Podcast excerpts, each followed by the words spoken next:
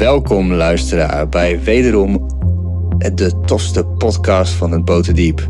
Uh, beter op papier, met je host Theo Lazarov.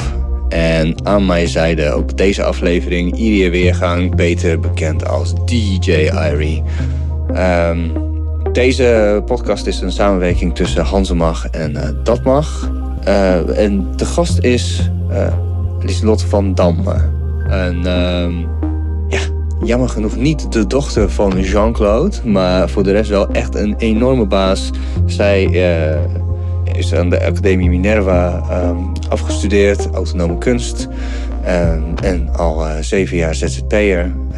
We hebben het over de bipolaire rollercoaster genaamd uh, ondernemen. Waar heb je mee te maken, vooral in de culturele sector? Uh, wat is het verschil tussen millennials die nu van de opleiding afkomen en mensen zoals uh, Lieslot en ik, die tijdens de, crisis uh, op de markt kwamen en echt moesten buffelen en vaak ook gewoon gratis moesten werken. en we sluiten af met het filosofische gedachte, met Camus. Dus luister, enjoy. Dank aan mijn techteam, Erik M. En Jasper Bosgraaf, van wie we helaas afscheid nemen deze laatste aflevering voor Jasper Bosgraaf. Jasper, bedankt voor al je harde werk, altijd. En uh, peace out. Enjoy.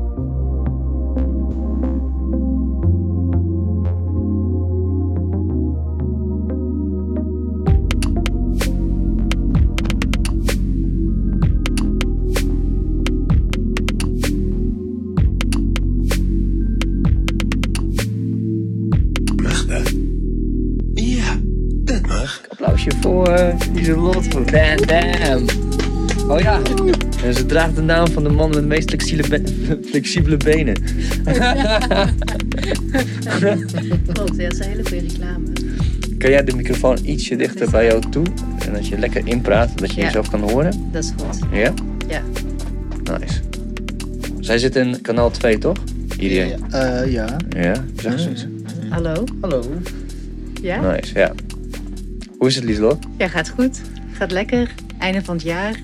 Dus uh, veel projecten afronden. Nadenken over volgend jaar. Bijna vakantie. Nou, schitterend. Heerlijk. Ja. Hoe kom jij, laten we gelijk met de deur in huis vallen. Okay. Hoe kom jij van de kunstacademie gelijk door in het, in, de, in het ambtenarenbestaan? Ambtenaar? Ik heb, nee, ik ben geen ambtenaar, joh. Nou, wel een beetje toch? Nee. Artistiek bij een stichting? Ja, maar dan ben je geen ambtenaar. Nee, oké, okay, dus mijn, mijn fout. Oh, je bent al ZZP'er in al, die... Al heel lang, ja. Sorry, oh shit, verkeerd. Ja, ik heb verkeerde research. Dan gaan we hem opnieuw beginnen. Oké, oké. Maar laten we met de deur in huis vallen. je bent ambtenaar, oké. Okay. Nee, ik ben geen ambtenaar. Ja, onze stichting heet Voorheen de Gemeente, maar het heeft dus niks met gemeentehuis te maken. Voorheen de Gemeente bestaat sinds 1999. Het is ooit opgericht in een... Uh, uh, in een oude kerk. En het verwijst naar gemeente, naar de congregatie, zeg maar, de, de groep mensen om die gemeentekerk heen. Het heeft niks met religie te maken. Dit is gewoon iets wat 20 jaar geleden ja.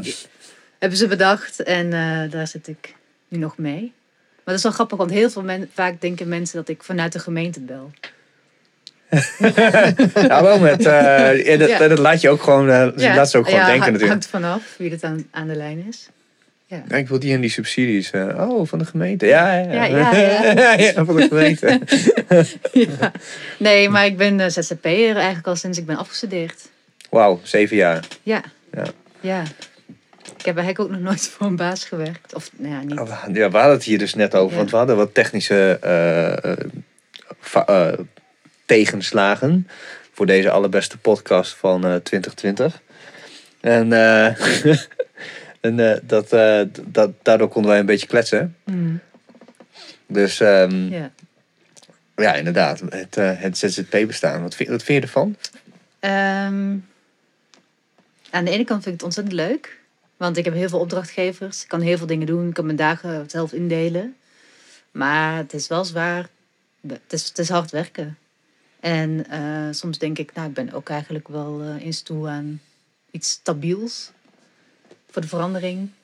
Um, Ik denk, hoe langer je aan het werk bent, hoe meer je ook eigenlijk eh, wil verdiepen. Eh, en dan heb je wat ruimte nodig en de stabiliteit om eh, dat onderzoek aan te gaan. Nou ja, dat, dat zou ook wel eens leuk zijn.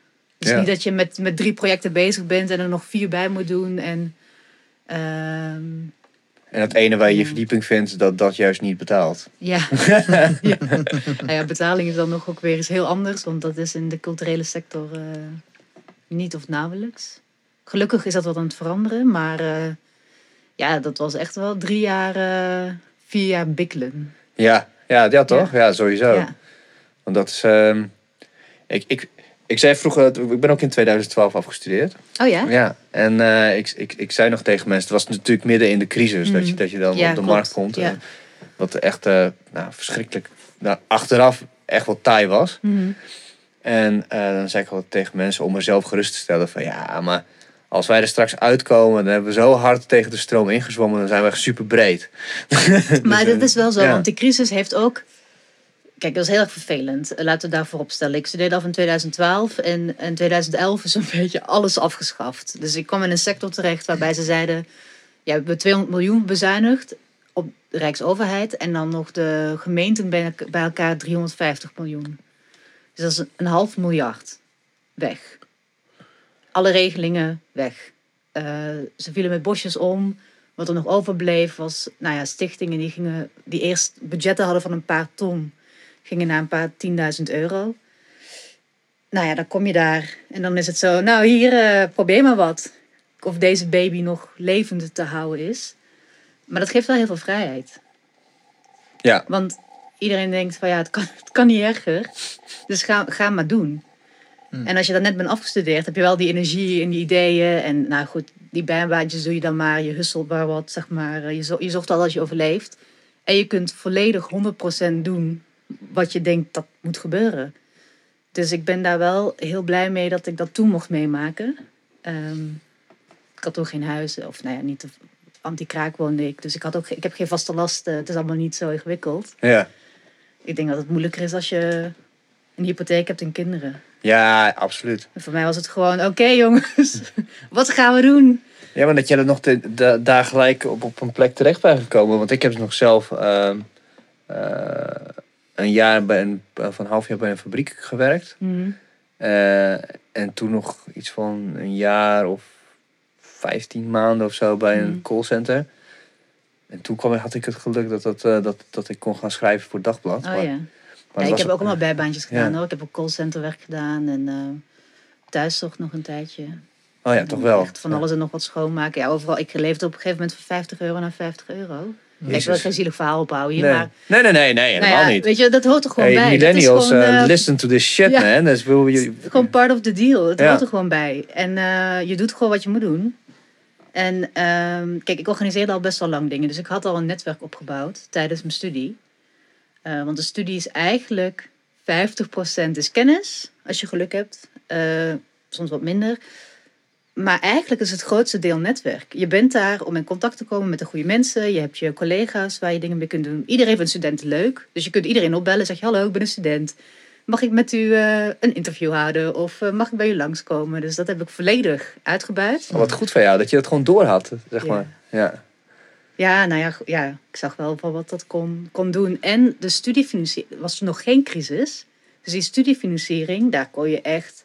Ik hield geld over aan het eind van de maand. No way. En toen had je Ryanair. Nou, die verkocht vliegtickets. Oké, we hadden nog niet zo echt die klimaatcrisis. Dus Ryanair verkocht tickets voor één cent. Nou, dan zei ik tegen de klas, wie gaat er mee naar Madrid? Eén dat was cent. goedkoper dan een biertje in de kroeg, hè? Toen nam ik mijn hele klas mee naar Madrid. Hè? Ging mijn schilderijtje bekijken. Da- dat is echt Ja, dat voorbij gegaan. ook, ja, dat Nee, hebben jullie dat niet? helemaal. was briljant.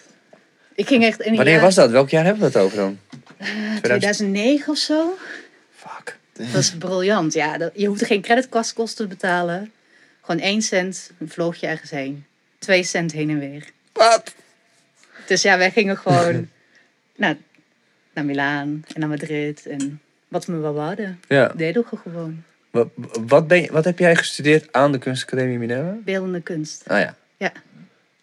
Autonoom. Ja, Ze zegt ook altijd, hè? Autonoom. ik ben ook een heel autonoom. ik vind dat altijd heel bijzonder. Als je met kunstenaars spreekt, is er altijd een soort van Je moet niet dat, dat het een soort van verontschuldiging is.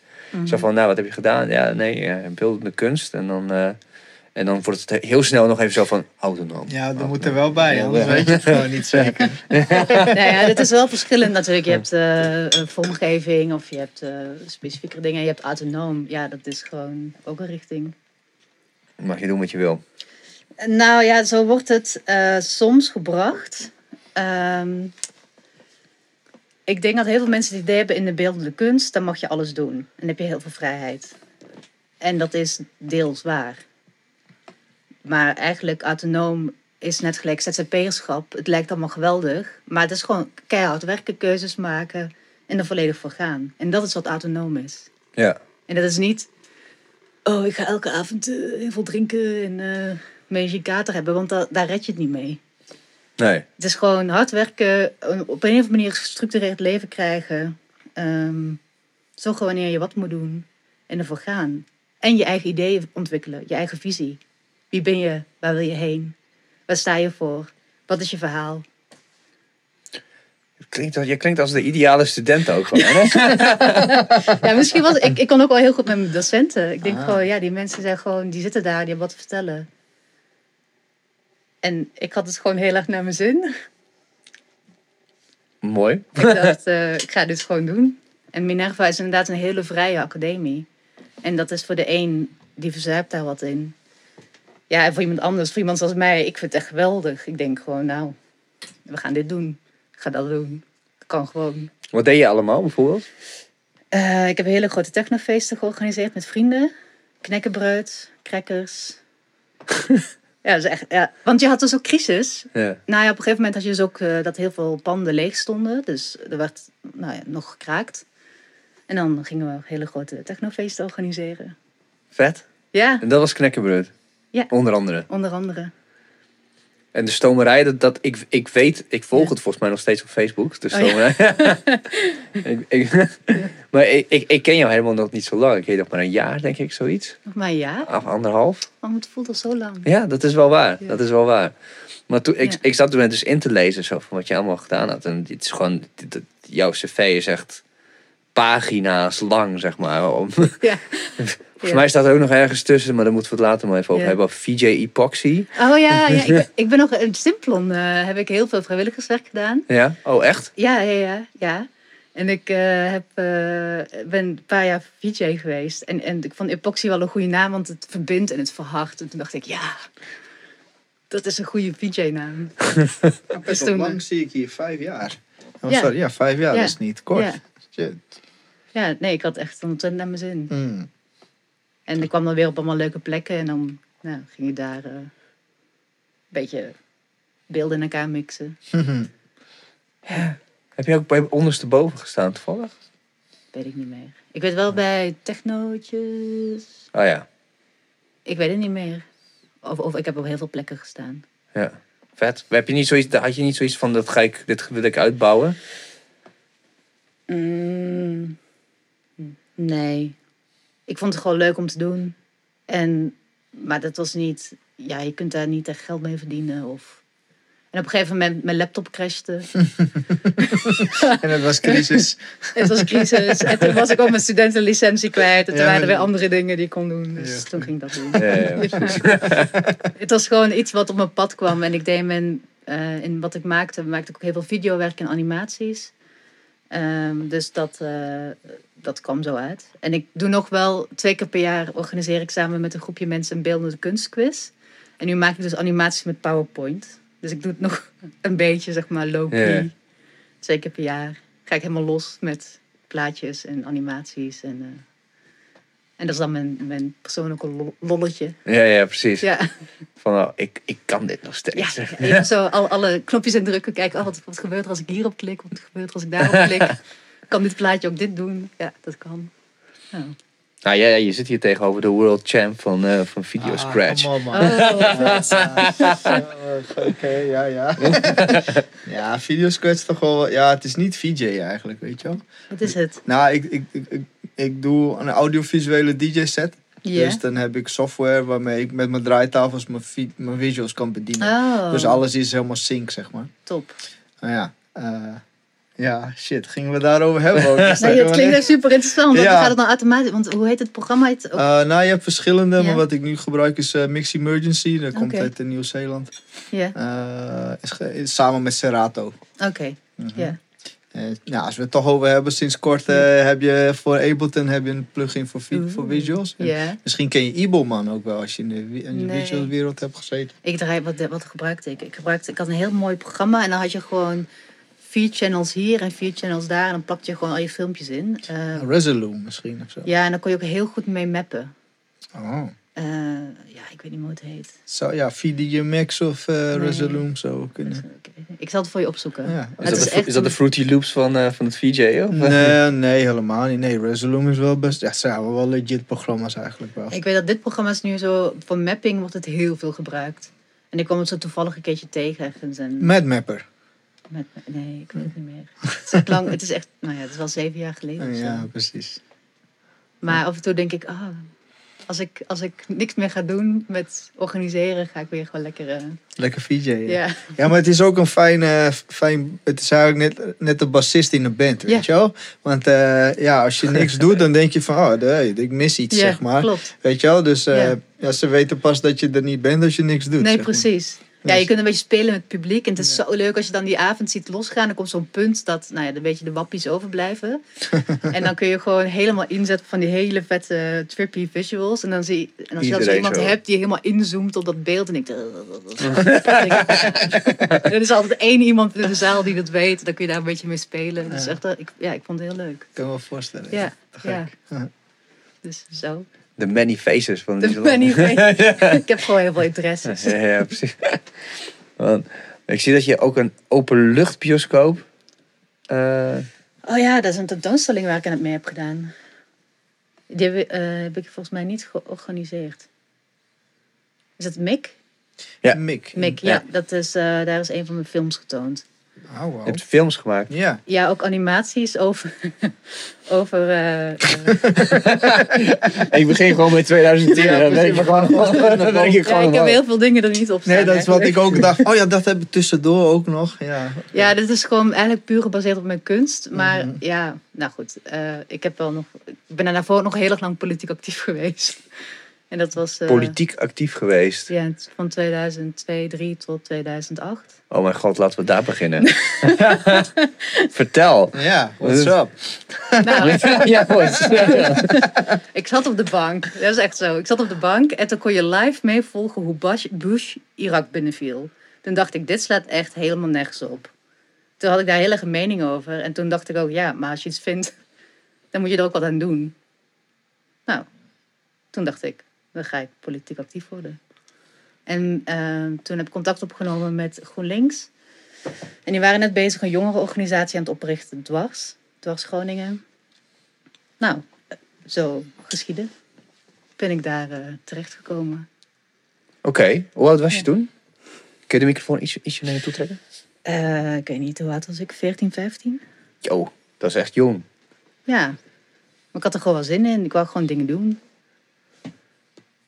En wat Ja. deed je dan? Wat, wat, wat- doe maar eens iets. Ja, ik, ik, ik, heb dit dus absoluut niet. Nee? Hè?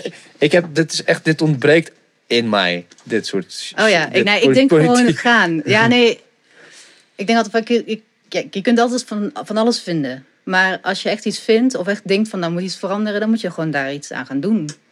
En ehm, ja, ik had mijn, mijn stiefvader, die, die zei dan, nou dan ga je toch gewoon eh lekker... Politiek in. Ja, en hij heeft. nou, ik denk dat het ook komt omdat. hij heeft vroeger, heel vroeger, eh, heeft hij ooit zeg maar, mega grote demonstraties georganiseerd. Dus ik kwam wel. Hij moedigde dat ook wel aan om, om iets te gaan doen. Ehm, ja, wat heb ik gedaan? Ik heb heel lang gekeken. Zat ik in van die werkgroepen. Hoe maak je jongeren actief in de politiek? Ik heb congressen georganiseerd. Mijn eerste con- congres ooit ging over de kloof tussen burger en politiek. Ja. En eh, Dat- ja, ervaren jullie een kloof? Ja, zeker. Het is gewoon Ja. een compleet parallel universum, zeg maar. Nou, het valt eigenlijk wel mee. Ga verder. Nou ja, als je, ja, het hangt vanaf. Maar ehm, die mensen zijn gewoon benaderbaar. Hè? Kun je gewoon mailen. Gewoon de, eh, iedereen. Ja, natuurlijk. Het staat gewoon online, zoek het op. Er staat een e-mailadres bij, telefoonnummer. Dat willen ze juist graag geloven. Ja. Van je horen. Ja, want zij hebben lekker, zij hebben iets nodig. Zij hebben nodig een e-mail die zegt: ik ben het hier niet mee eens met een goede redenatie, of ik ben het er wel mee eens. En dan kunnen ze zeggen, Kijk, de burger. de burger vindt dit. Ondertussen is het gewoon Theo en ik. Nee, maar, dat maakt- ja, maar jij bent ook, geld. jullie zijn ook burgers. Ja, weet ik. Wij- wij, zijn een, eh, wij zijn een internationaal divers... eh, Geen zaak, iedereen rijk. Eh, ja, de, en, maar dat was wel hilarisch, want dat was ook het meest gefaalde, volgens mij, wat ik ooit georganiseerd heb. Want dat was allemaal heel moeizaam. Toen hadden allemaal Eerste Kamerleden en Tweede Kamerleden hier. Ergens in een, eh, boven een kroeg. En toen was het de allereerste zonnige dag van het jaar. Dus er kwam niemand. Ai, ai, ai, ai. Ja. Ja. maar waar had je het Werd die georganiseerd? kloof alleen maar groter natuurlijk. Maar ik, toen dacht ik wel, oh ja, ik heb nu wel zeg maar eh, zeven Kamerleden tot mijn beschikking. En wat heb je toen gedaan? Ja, gewoon helemaal uitgevraagd. Hoe werkt dit? Hoe werkt dat? En toen was je 15, 14, 15. Ja, eh, ja zoiets. Wauw. 15. En die vond dat natuurlijk helemaal te gek. Zo'n pubertje die daar Ja. Hoe zit dat? Ja, ik, vond, ik dacht gewoon... Ja, je moet dat gewoon een keertje doen. Iets organiseren. En dan wordt het steeds makkelijker. En dan denk je gewoon, nou, dit wil ik. En dan ga je dat doen. Zo simpel is het eigenlijk. Ja, het, is, het, is wel, het, is wel zo simpel, maar het voelt niet zo simpel. Nee, nee, dat klopt. Kijk, je moet wel wat ervaring hebben, je moet wel een netwerk hebben en je hoeft ook niet echt per se geld te hebben. Je moet wel bereid zijn om heel veel tijd ergens in te steken. Je moet ook bereid zijn om andere dingen op te geven. Dus je moet bereid zijn om te zeggen, ik ga vanavond doorwerken of ik hoef geen dikke vette auto of eh, ik hoef geen regelmaat of ik hoef geen... Weet je, er zijn heel veel dingen, als je dat niet hoeft, dan kun je heel veel andere dingen wel doen. Ja, Nou. dat is eigenlijk gewoon het ZZP-bestaan, het ondernemerschap. Ondernemerschap, ja. Je bent gewoon ondernemer gewoon vanaf, vanaf, vanaf het bittere begin. Het bittere begin. Nee, maar het is, ik, ik, ik, je had me toen gevraagd van maak een lijstje van dingen die mensen ook absoluut moeten doen in hun leven. En ik denk dat dit een van die dingen is die je absoluut moet doen. Omdat het, je leert ook na te denken over eh, bepaalde dilemma's. Bijvoorbeeld, het was echt een hele stomme discussie leek. De duivenproblematiek. Duiven richten voor miljoenen schade, eh, eh, euro's aan schade aan per jaar. Omdat ze op gebouwen poepen. En die poep, daar zeg maar van alles in die die gebouwen aantast. Dus duiven zijn heel schadelijk. Nou, er was een heel groot overschot aan duiven. En dan is de vraag, wat ga je daarmee doen? Eén, dat is een mogelijkheid om, om zeep helpen. Ja. Er zijn gemeentes die er paté van maken en het verkopen in Frankrijk. Zonder grappen. Hallo. Ik weet niet of het nog steeds gebeurt, maar dat was toen. Ja, ja. Ah, Dus ga well je de- played, well played. Ga je er paté van draaien of ga je aan geboortebeperking doen en dan eitjes schudden? Maar als je dat gaat doen, dan maak je opvang voor duiven als gemeente. En dan zeg je dus ook, ik ben verantwoordelijk voor die duiven. Dus als je verantwoordelijk bent voor duiven, dan ben je ook aansprakelijk voor schade. Dus dan al die miljoenen schade komen op je bord. Nou, als je bij een partij zit die zegt, wij zijn voor dieren, we vinden het belangrijk welzijn. Maar ja, je hebt geen miljoenen, ja, je hebt geen mi- miljoenen liggen. Hoe ga je dat oplossen? Hoe maak je daar een standpunt in? Dus het is heel interessant om daarover te leren na te denken. Van oké, hoe denk je breder dan je eigen visie, draai breder je dan je eerste reactie. Dan draai je paté en dan met die mil- miljoenen maak je die gebouwen weer goed. ja, maar dan moet je ze, moet je ze, ja, dan moet je ze dus eh, gaan vangen en dat kost geld en dan moet je ze doodmaken. Je wil geen dieren doodmaken. Ja, ja, ja, ja, dilemma's inderdaad. Ja. Hoe, en daarom zijn er hier nog steeds superveel duiven, zeg maar. En daarom, dat is het verhaal van de duif in Groningen. Vliegende ratten. zijn dat gewoon. Nou ja, maar goed, ik weet, niet meer, ik weet niet meer precies wat daaruit is gekomen. Maar ik weet wel dat de- het is gewoon wel heel leerzaam om daarover na te denken. Om, na, om leren te na te denken van buiten je eigen doelgroep, buiten je eigen perspectief en in meerdere jaren. Dus eh, oké, maar wat als je dit beleid nu invoert of hier of nu zo over nadenkt, wat betekent dat voor over 10, 15, 20 jaar? En wat betekent dat voor alle mensen die ik niet ken? En dat is de, dat is de moeilijkheid. Van wat, want je kent de mensen die je kent, die ken je het beste. Ja, En dan denk je, mijn wereld bestaat alleen uit die mensen. dat is Maar dat is natuurlijk niet zo. Je hebt een wereld daarbuiten met heel veel doelgroepen. En een, één maatregel geldt voor al die mensen. En dan denk jij in je achterhoofd, oh, misschien specifiek voor die doelgroep. Maar ja, dat is niet zo, hè? Dus, dus één maatregel voor iedereen. Dat is toch ook een beetje de, wat eh, Joris Luijendijk eh, in zijn kleine boekje zegt. Zo'n, eh, wat was het, laten we praten volgens mij? Of, ehm, Dat gaat erover dat, je, dat, dat iedereen in zijn in zijn bubbel zit. Mm. En, en ehm, dat de, de bubbel die nu aan de macht is, al heel lang aan de macht is. En eigenlijk een hele onderlaag van mensen negeert. Eigenlijk. Ik weet niet of ze het negeren, maar ik denk dat je wel nat- van natuurlijke wijze het eh, misschien niet meer zo veel affiniteit meer hebt. En wat je niet ziet, is heel moeilijk om van te houden. Ja. Als ik jou, als ik, ik, ik had een vriend op de kunstacademie die zei, soms vraag ik me af, als ik jou niet zie, besta jij dan nog? En dat is eigenlijk wel, een- ja, het is een heel kindse manier van de wereld zien, maar het is wel een goede vraag, want ja, eh, weet je wel, je gaat ervan uit dat de wereld daar is Ja. en dat de hele tijd is. Maar ik weet niet, misschien is wel achter dit scherm nu helemaal, helemaal niks achter jou. Ja. Ja, dat weet ik niet. Er zijn nog geen schermen, het is gewoon een dikke studio. Ja. Welke schermen? Natuurlijk is dat, zijn van die, van die redelijk, nou ja goed, bijna tegen het kinds aan zijn gedachtes. Maar het is wel moeilijk om van mensen of dingen of anderen te houden als je het niet kent. En dat is, dat is moeilijk als je in de politiek zit, want je moet toch affiniteit blijven voelen met al die verschillende soorten. Weet je, probeer eens in een groepsapp iets te organiseren. Ja, ja. ja. Maar dan voor een, land of een stad. Of... Ja, dat is een beetje ingewikkeld. Dus ik snap wel dat mensen op een gegeven moment ehm, dat vergeten of dat verliezen. Dus daarom moet je als burger je mond opentrekken en zeggen: Hallo, hier ben ik.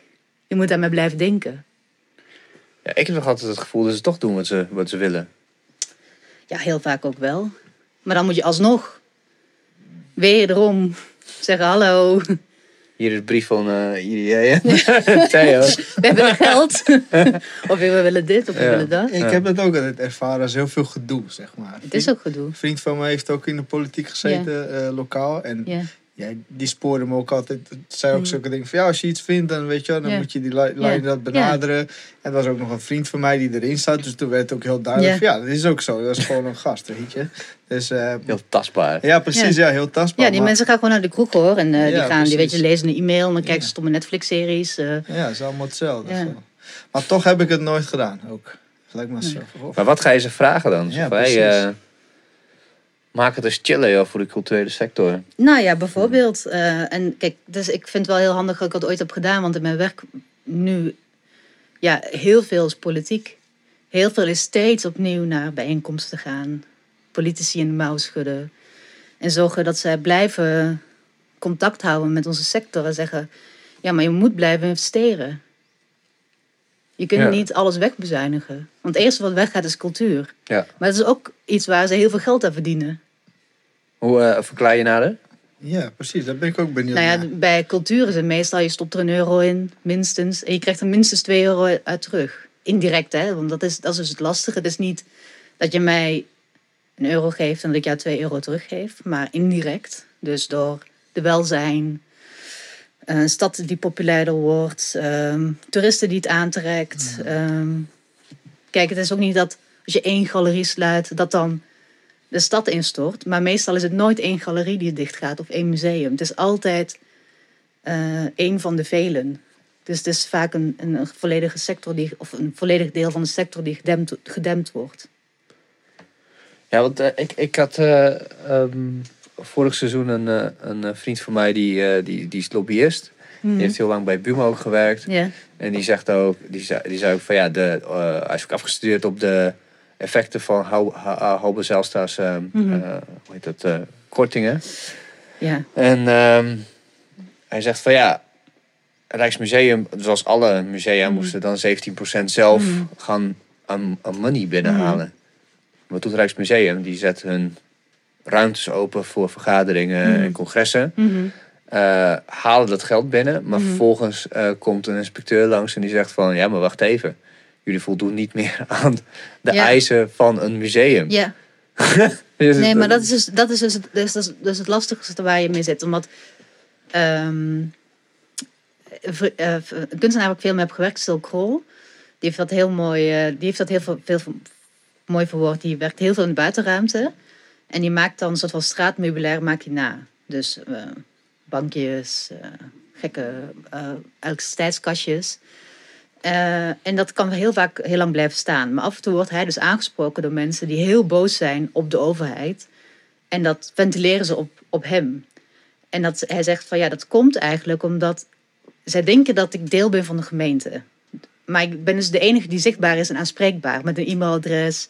En je kunt mij gewoon aanspreken op straat van hé, hey, wat doe je met dat rare elektriciteitskastje? La la la la. Ehm, en ik denk dat het dus ook met kunst in de breedste zin zo werkt. Wij zijn heel zichtbaar en heel erg aanspreekbaar. Dus het eerste wat ze zeggen, kort op die kunst. Maakt niet uit. Uh, inderdaad, je moet gaan ondernemen. Maar ja, als je gaat ondernemen, word je gekort. Ja. Uh, omdat je dan te veel onderneemt. Dus het is een hele moeilijke spagaat waar je steeds in zit. Tussen al die regelgeving. Je zit vaak met verschillende soorten subsidies. En dan bij deze mag je alleen maar aanvragen om uh, je kunstenaar te betalen. En bij die mag je alleen maar aanvragen om uh, reiskosten te betalen. En die zegt dan, maar je mag niet je personeel betalen. En van die andere mag je niet je gebouw betalen. Dus het is heel ingewikkeld om Ja. dat allemaal kloppend te maken. En daar ook dingen in soms te ondernemen. Want je, je, eh, ik, ik, ik was laatst bij een eh, cursus ehm, fondsenwerving. Ik dacht, Mhm. van, dat is interessant. Dat is altijd wel mooi meegenomen. Ja. Het, nee, goed, ik heb be- best wel extreme ADHD. Dat kan ik natuurlijk niet goed niet stilzetten. Ik heb, ik heb, dus dan kom je in zo'n wit lokaaltje, Ja. zeg maar. Ga je zitten en dan krijg je gewoon weer les. Ja. En dat, dat was al het eerste wat ik dacht van, oh ja, kut, dat is gewoon les. ja. en eh, het was wel gewoon heel goed, heel veel info. Heel, het was gewoon heel boeiend opgezet en ehm, Mhm. eh, gewoon verhelderend. Mm. Maar uiteindelijk kwam het erop neer van ja, je moet gewoon heel hard gaan nadenken wat je precies wil, Ja. zeg maar. En dan moet je dat gaan toepassen op een fonds. ja. En eh, nou wilde ik iets met podcast doen en dan, ja, dan, dan is dat gewoon te nieuw, zeg maar. Dus waar valt het dan Mhm. onder? Onderzoeksjournalistiek? Of valt het dan over in de culturele Mhm. sector? Wat, de onderwerpen die je behandelt? En dat soort dingen. Dus toen, toen had ik ook zoiets van, ah, ik heb hier ook echt geen zin in. En toen later dacht ik van, oké, ik moet gewoon dit nu even zo laten. En dan later er weer nog een keer naar kijken. En dan weer laten en nog een keer kijken tot het wel duidelijk wordt. Mhm. Maar dat is de politiek die je voert met dat soort instellingen. En, en ik denk dat dat ook gewoon hetzelfde is als de überhaupt politiek voeren. Ja, dat is er wel een beetje hetzelfde. Want het is een lange adem. Eh, je moet je wegen leren kennen. Je moet weten van, oké, waar zitten de fondsen? Eh, wie kan mij helpen? Want het, is, het gaat natuurlijk niet alleen maar over geld. Hè. Je moet ook eh, vertrouwen hebben dat mensen jou ehm, eh, vastgoed willen uitlenen... of een plek willen bieden of sponsordeals willen aanbieden. Dus je moet heel goed leren hoe zit het veld in elkaar... en Waar, wat kan wel en wat kan niet. Ja. En soms heb je, heb je een eh, wethouder of je hebt een politieke partij die is aan de macht en dan kun je het gewoon vergeten. Ja, dan is het gewoon vier jaar. Op het zwart zaad zitten. Ja, en dan hopen dat er andere ambtenaren in dienst worden gesteld of dat je toch. Ja, dan is het toch een beetje hopen op, op iets beters. Want even voor, vooruitspoelen van, Mm. oké, je, was, je was 15 en Oh, ja. eh, je, je had dat Ja. congres. En, dan, en nu ben je artistiek directeur bij eh Stichting eh, Voorheen de Gemeente. Eh, hoe ben je daar terechtgekomen? Hoe is dat? Het lijkt heel erg op elkaar namelijk natuurlijk gewoon. Ja, ja alleen wel heel anders. Kijk, dit is wat ik doe, is nu heel concreet. Eh, ik maak gewoon een tentoonstelling eh, of een project. Of, eh, dus visueel is er iets te zien. Hmm. Ehm, nou, ik ging dus naar de kunstacademie en daar had ik heel erg naar mijn zin. Ik heb toen een tijdje die galerie gehad samen met een vriend- vriendin van mij, Maaike Knippen. Eh, en op een gegeven moment, eh, ja, met docenten die zaten bij VRDG. En die vonden me wel geschikt. Dus op een gegeven moment werd ik gebeld van, eh, ja, wil je erbij? Toen ik afgestudeerd was, ik zat één dag op de bank thuis. En ik dacht, "Oh, ik voel het zwarte gat. Het gaat gebeuren. Ik weet niet meer wat ik moet in mijn leven. En toen werd ik gebeld. Zei ze, oh, kom je, kom je eerst bij Flos, was dat. eh, een, onder- een onderdeel van VRDG. En toen later bij VRDG zelf. Want wij waren laatst bij, eh, ja, jullie helaas niet, Hmm. maar eh, ik was laatst met vrienden bij, bij de 20-jarig jubileum van, de Ja. van de stichting. Ja. Ehm, toen had je een hele mooie speech. Maar misschien kun je aan onze kijkers, luisteraars even, even uitleggen wat die stichting precies doet. Stichting voor de Gemeente is een kunstinitiatief in Leeuwarden. Dus dat betekent, wij maken tentoonstellingen. eh, doen projecten in de openbare ruimte, dus kunstprojecten. Ehm, een van de bekendere daarvan is, we hebben een rotonde gekregen van de gemeente. Waar wij experimentele beeldende kunst mogen programmeren. Eh artist residencies doen we. Dus een kunstenaar komt bij ons om onderzoek te doen of zich voor te bereiden op een tentoonstelling. Eh, we hebben een RCV-wagen. Dat is denk ik ons bekendste project. Die hebben we omgebouwd tot rijdende studio en verblijfplek. En gaat 25 km per uur. Want anders mochten we... Dat was de, ja, anders moet je met een nummerplaat. Dat is allemaal heel erg ingewikkeld. Dus eh, we hebben gewoon de vierde versnelling geblokkeerd. En dan is een landbouwvoertuig. Eh, daar rijdt een kunstenaar mee rond door Friesland. Ehm, een maand lang. En die maakt kunst en ja, komt mensen tegen. En iedere keer weer is het heel spannend wat daaruit komt. En dan komt hij weer terug en dan maken we de tentoonstelling. Dat is een soort van, eh, so- soort van eh, daar, daar woont hij ook in. Of? Ja, ja. Wonen, werken. Dat is nu eh Snackbar de Ambassador. Nee, Snackbar, de ambassador, die was in het, onze tweede SCV-man. Dat is uh, kunstenaar Matthias Keunig. En die is ook een DJ en maakt muziek. Hele goede DJ, kun je inhuren voor je feesten en partijen. echt ideaal. Echt plat gelegen. Ik had echt een mooie collectie aan plaatjes. ook, Ja, joh. maar Matthias die heeft Ja. echt wel... Ja, ik heb door hem echt heel veel nieuwe muziek leren kennen. En het is ook een hele goede kunstenaar en nog, ook nog een ontzettend leuk mens. Eh, die was onze tweede kunstenaar en die had... We hadden die hele wagen zo heel mooi bestickerd met ons logo zo. Het zag super slik uit. En toen zei hij als eerste, ja, mag ik het eraf halen? Nou ja, wij, onze regel is, die, de kunstenaar moet doen wat hij moet doen. In de extreemste van wat hij kan. Zei, nou, haal maar eraf. En toen had hij dus van heel tropische eh, verbeeldingen opgemaakt. En dan had hij twee hele grote speakers van een voorma- voormalige ijsbaan gekregen. van die, van die megatoeters. En eh, hij, was, hij kwam op een marktje ergens in Friesland. En daar was een vrouw en die maakte eendenkorven van eh, gevlochten van riet of stro of zoiets. Toen zei hij, oh, wil je mijn speakers invlechten? Dus toen is hij voor de rest van zijn reis door Friesland met twee van die toeters op zijn dak. En dan van die hele funky muziek. Er al draaiend zo over de afsluitdijk. Of nee, niet de afsluitdijk, maar gewoon eh, de, de oude Beeldijk. Ja. Dan ging je zo door Friesland heen. Eh, geen klachten over gehad? Nee, iedereen vond het geweldig. Oh ja, vet mooi. Ja, nee, dorpen zeiden van... eh, we hebben hele dorpen gehad die zeiden... Nee, oh, blijf hier. Alsjeblieft. We vinden je leuk. En dan kwam weer de een, iemand uit zijn schuur en die zei... Kom maar mee.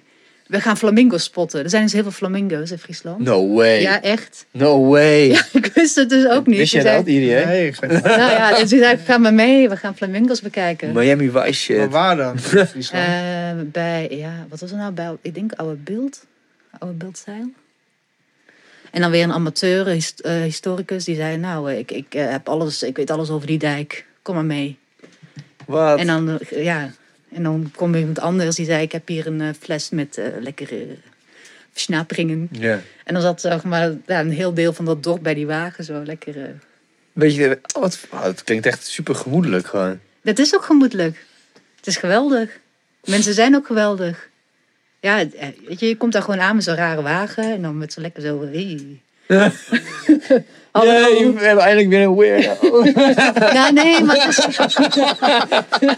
nee, maar kijk, met mensen, je moet het niet vergeten. Wat zien we nou het meest aan ons leven? Weet je, je gaat naar je werk en je komt thuis en je hebt je supermarkt, je hebt je vrienden, je hebt je familie. En dat is gewel- geweldig. Maar je- we willen allemaal, denk ik, als mens, zit toch echt een drang van. Ja, dat je verwonderd wil zijn. Dus als daar zo een of, een of kunstenaar aankomt in zo'n ding, in zo'n wagen die je al kent van vroeger, dus die wagen is al sympathiek. En dan denk je, oh ja, dat ken ik van Vlodder of van vroeger in mijn dorp. En dan zit er ook nog een kunstenaar die gewoon helemaal aan het doen is wat hij zelf wil.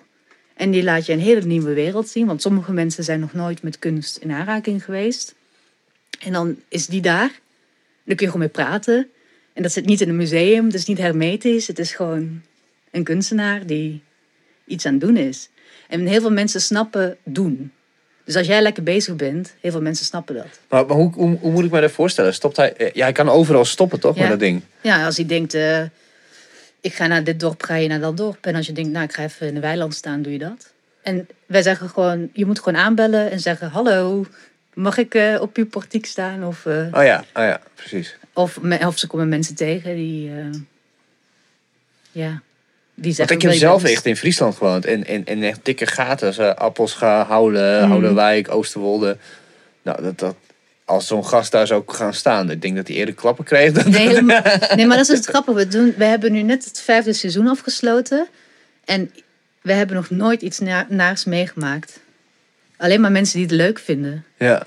Maar ik denk dat dat ook komt omdat onze kunstenaars, die hebben geen agenda. Wij, wij zijn daar niet om jou te komen vertellen over de verlichting van de beeldende kunst. Of zo van, ah, hè, boertje, wij komen jou even uitleggen hoe iets zit. Daar zijn we, we zijn daar niet mee bezig. Je hebt gewoon iemand die bezig is met iets te maken wat, wat van zichzelf is. Dus hij stopt, hij pakt zijn ezel bijvoorbeeld, legt hem voor, begint te schilderen. Ja, of, we, eh, we doen niet, niet echt. we- maar bijvoorbeeld, eh, ehm, ja, twee kunstenaars geleden, Job Visser Vostenbos, die, die heeft een heel groot zeil gemaakt. Op, die wou een zeilboot maken van die wagen. Dus die was bezig met een mast op te bouwen van zeven meter hoog met een, eh, ja, een klapmast. Ja. Want anders kun je niet door de bruggen. Eh, nou ja, en, en dan denken mensen, dit is gewoon een krankzinnig project. Maar dit is wel leuk. Dus kom maar hier, ik help je wel. Oh, wil je lassen? Wil je dit doen? Dus we hebben echt van... Vet. Is het gelukt? Ja, het is gelukt. Wat vet joh. Er is ook nog je- ergens een filmpje te zien waarop wij waar we hebben getest. Want we hadden, ja goed, je kunt niet drijven, maar wel op wind. Eh, en wij zijn op wind gaan, gaan rijden. Oh, oké, oké, oké. Dus echt, hij heeft een zeil op dat ding en Ja. dan zet je hem in zijn fraai en dan... En dan, eh, ja, dan ga je. En dan ga je boven Ja. die 25 kilometer Ja, en dan... dan eh, ga je harder naar buiten. ja, dan moet je een nummerbord. dus dat kan niet. Maar eh, ja, dat is eigenlijk, als je daarboven keek, was het gewoon het hele mechanisme van een, eh, van een zeilschip. Dus dat één iemand achter het sturen zo die wagen een beetje recht te houden. En voor de rest twee mensen op het dak die dat zeil in bedwang houden. Oh, wat vet. Oh, wat vet. Ja. Dat is Echt heel cool. Ja, en dat is echt het gevoel als je ernaar kijkt. Want we hadden subsidies daarvoor aangevraagd en eh, een aantal waren afgewezen met de reden het kan niet. Nou ja, kan niet, bestaat niet, ik wil onzin. Gaat gewoon geluk, lukken. Ja. Maar ja, toch, het, is, het is toch best een ambitieus project. Ehm, dus ja, als je dan die wagen daar ziet rijden, dan denk je, Fuck you. het kan wel. Dat kan wel. Want dat zei je ook in je speech. Dat vond ik zo vet. Zo Ja. van, geen kunstwerk is gek genoeg. Ja, klopt. Iedereen, dit moet je horen. Ze hebben dus eh, een van hun eh, eh, projecten was dat, wat was het? Drink, geniet maar drink met mate. Ja, dat was een van onze allereerste projecten. Toen was ik nog niet bij de stichting, maar dat was van. eh, ja, nu vraag je nu net dus de naam die ik niet heb opgeschreven. Maar dat is een van de kunstenaars ehm, eh, en die had een project bedacht over eh, ambtenaren buiten werktijd. Volgens mij heette het project ook zo. En het ging erover dat hij dan aan ambtenaren had gevraagd, of hij was benieuwd hoe ver kunnen ambtenaren gaan buiten werktijd. Zeg maar, wanneer is de grens bereikt van wat wel of niet kan. En dat ging hij testen door ze op publieke plekken te zetten, in de kroeg bijvoorbeeld, maar ook gewoon op andere plekken, met dan voor 40 bier zo voor hun. En die moesten dan zelf opdrinken en mocht niet uitdelen. Yo. Hou hem de hoop, dat was hem. En dat, heeft, eh, dat was een van die projecten. En dat is beschreven in, eh, in dat boek. En ik vond het wel... Want ik was dus bezig met het archief en alles door te lezen. En toen zag ik al die hele gekke projecten van... Waarschijnlijk ook dat waarvan mensen zeiden dat kan niet. En dan ga je het toch doen. En door te doen leer je dat... Alles ja, kan. dat kan. Ja, ja en dat, maar je moet ook zo wel een beetje denken van... eh, dat alles kan, omdat... Anders ga je bij voorbaat al niet meer iets doen. Of dan stop je al, of dan denk je nou, ik weet het niet. En vaak is het gewoon een kwestie van geld of zwaartekracht. Dat is hetgene wat vaak toch de twee grootste partijen zijn die in de weg zitten. Ja, ja. Maar ei- ja, eigenlijk als je erover gaat nadenken. En als je, als je jezelf toelaat om na te denken zonder die belemmeringen. En dan gaat nadenken van oké, hoe kan het dan wel? Ja, dan kan eigenlijk best wel heel veel. En ik heb gewoon heel veel vertrouwen in mensen. Dus ja, ik geloof gewoon dat we met z'n allen gewoon iets tofs willen. Dus Diep van binnen. En hoe Ja. dat er uiteindelijk uitziet, is natuurlijk anders. Hè? Kijk, heel veel mensen vinden ook dingen stom en raar. Maar dat is prima. Je moet dan gewoon de mensen vinden die dat specifieke ding niet stom en raar vinden. Maar denken, oh ja, dat is leuk. Hoe is dat voor jullie uitgepakt, eh, eh, eh, eigenlijk 2018 als culturele hoofdstad? Ja, geweldig. Ja. Ja. Zo, we zijn echt vol gas vooruit gegaan. ja? Ja, ja, ja. we hebben toegang gekregen. Ja, door culturele hoofdstad, dat brengt heel veel dingen met zich mee. Onder andere een Europees netwerk. Dus je kunt aanmelden voor allemaal Europese projecten. Dus we hebben nu opeens echt een hele grote internationale lijn. Ja, dat is echt geweldig. Dus we gaan nu naar het buitenland en doen daar projecten. We hebben een eh, tentoonstellingsruimte erbij gekregen. eh Arts de Residency. eh, rotonde. Nou, iedereen stond opeens open voor cultuur. En die dachten, oh, die, ja, wat jullie Kom maar doen. door, ja. en wij stonden, wij hebben wel ideeën. Dus we hebben heel lang gewacht van, eh, oh ja, we willen een tentoonstellingsruimte. Mm, mm, mm. En dan opeens zegt zo'n ambtenaar, ja, ik heb een pand en dan misschien een publieke functie. En dan, daarom is het belangrijk dat je, dat je een idee hebt van wat je wil. Want dan kun je op zo'n moment zeggen, oh, eh, ja, maar ik heb ook allemaal ideeën. En dan word jij de eerste gesprekspartner. Dus kijk, je niet alles wat je verzint kun je meteen doen, maar je moet gewoon daar een lange lijn in hebben, zodat als de mensen die de mogelijkheid kunnen bieden om jou, ja, om daar elkaar verder te helpen, dat je dan Ja. op dat moment kunt zeggen, oké, is mooi, want dat wil ik ook. En hoe zit je dan bij die mensen? Ik bedoel, eh, eh, ga je naar overleggen toe? Of Ja. zit je in, in raden? Of... Ook. Ik ga naar overleggen toe. ehm, ik zorg dat ik een team mensen om mij heen heb, want ik doe het niet allemaal met eentje. hè. Ik ben- ben niet eh, een of andere superwoman, maar eh, ik heb allemaal mensen om me heen die gewoon heel goed zijn in wat ze doen. En waarvan eh, die ook weer een netwerk hebben. En ehm, nou, ik zeg heel duidelijk, dit is wat we willen. Bijvoorbeeld met die rotonde, daar hadden we ook al jarenlang over van... Jongens, als je er ooit iemand spreken die iets met een rotonde kan, gewoon zeggen ja. En op een gegeven moment krijg je een appje binnen. Wil je een rotonde? Mijn antwoord was ja. Het was het geregeld. Zo. Maar hoe lang duurde dat? Tien jaar? Nee, Vijf jaar? drie, Drie jaar? Oh. vier. Dus je moet ook de mensen om je heen verzamelen die dat kunnen verwezenlijken. Ja, en je, je bent ergens, je werkt ergens en dan kom je mensen tegen. En we zaten in een pand en dat ehm, moest verbouwd worden. Dus dan spreek je met de ambtenaren en dan die over de verbouwingen gaan. En dan zeg je, hé, hey, wat is jullie plan? En dan zeggen ze, ja, ja, we willen misschien dit en dit en dit. Je moet ook een beetje geluk hebben dat je de juiste mensen op het juiste moment tegenkomt. En toen zij zeiden van, wij willen dat, dat pand een publieke functie geven, dacht ik, nou mooi. Eh, ik wil die publieke functie wel zijn. Met een tentoonstellingsruimte. Ja, Dus- ja, ja. ja, en, dan, en dan begint het proces van de verbouwingen. En kan dat, kan dat niet? En wat betekent dat? En kun je het, kun je het organiseren? En nu is het er. En dat pand waar, wij, eh, waar, ik bij die 20-jarige eh, jubileum was, was is, is, dat is het nieuwe pand? Of is dat... eh, Nou, dat is een heel oud pand. En daar zitten, we, zitten wij sinds drie, vier jaar in. Dat was in de Hania-steeg? Hanja-steeg. Ja, ja, ja. Ja, ja ons, dat zit tussen de Ipe Brouwersteeg en de Hanja-steeg. En de tentoonstellingsruimte zit aan de Hanja-steegkant en wij zitten aan de Ipe Brouwersteeg. Ah ja, precies. Ja. Maar het is, wel één, het is wel echt opengebroken naar één. Nou, het, Je, het je is- kunt is vrij binnenlopen. Ja, het is een oud pand, dus het is gewoon vierkant met een binnentuin. Ja. En eh, ja, dat is gewoon een oud, oud ja, vroeger waren heel veel panden, panden gewoon vierkant. En het, het viel me op dat er heel veel jonge, jonge mensen waren. Ja. Ja, dat, dat, dat is, eh, hoe, hoe werkt dan eh, voorheen de, de gemeente? Is dat gewoon een soort van vrijwilligerswerk, Ja. deels? Of, Eh, toen ik eraan begon, begon, was het al helemaal vrijwilligerswerk. Toen was er echt helemaal niks. Voor niemand. En ehm, ja, we hebben nu toch wel de laatste jaren ja, steeds meer het stabieler kunnen krijgen. Maar ja, kijk, een kunstinitiatief is grotendeels vrijwillig. Ehm, en ik heb ook dat ik, ik geef af en toe les op de NHL en op Minerva. Dus zo, ja, leer je wel leuke kids kennen die ook denken van, nou, we willen wel wat. Dan zeg ik, nou, kom maar. Gaan we, gaan we iets doen? Wat wil je doen? en wat, eh, wat, wat doen ze dan bijvoorbeeld? Nou, ze hebben dat hele feest eh, helemaal georganiseerd. Nou, super trots op. En ze ja, koppelen ze aan kunstenaars. Dus dat ze kunstenaars helpen bij het organiseren van tentoonstellingen. We hebben net eh, een heel educatietraject opgezet. En daar eh, hebben ze ook aan meegeholpen. Nou, zo. En ja, ze helpen met opbouwen, afbreken. Kleine dingetjes organiseren. En zo geef je iemand... Ja, kijk je hoe ver kun je gaan met iemand. Of hoe, hoeveel tijd heeft iemand. En dan steeds meer verantwoordelijkheden. En dan doe je gewoon aparte subsidieaanvraag voor die eh, kunstprojecten, zeg maar. Of, eh, Ja, voor de kunstprojecten, ja. Voor de kunst aan zich moeten wij ja, heel veel, heel Ja, veel subsidies heel- aanvragen. Ja. dat lijkt me ook wel taai gewoon. Zo.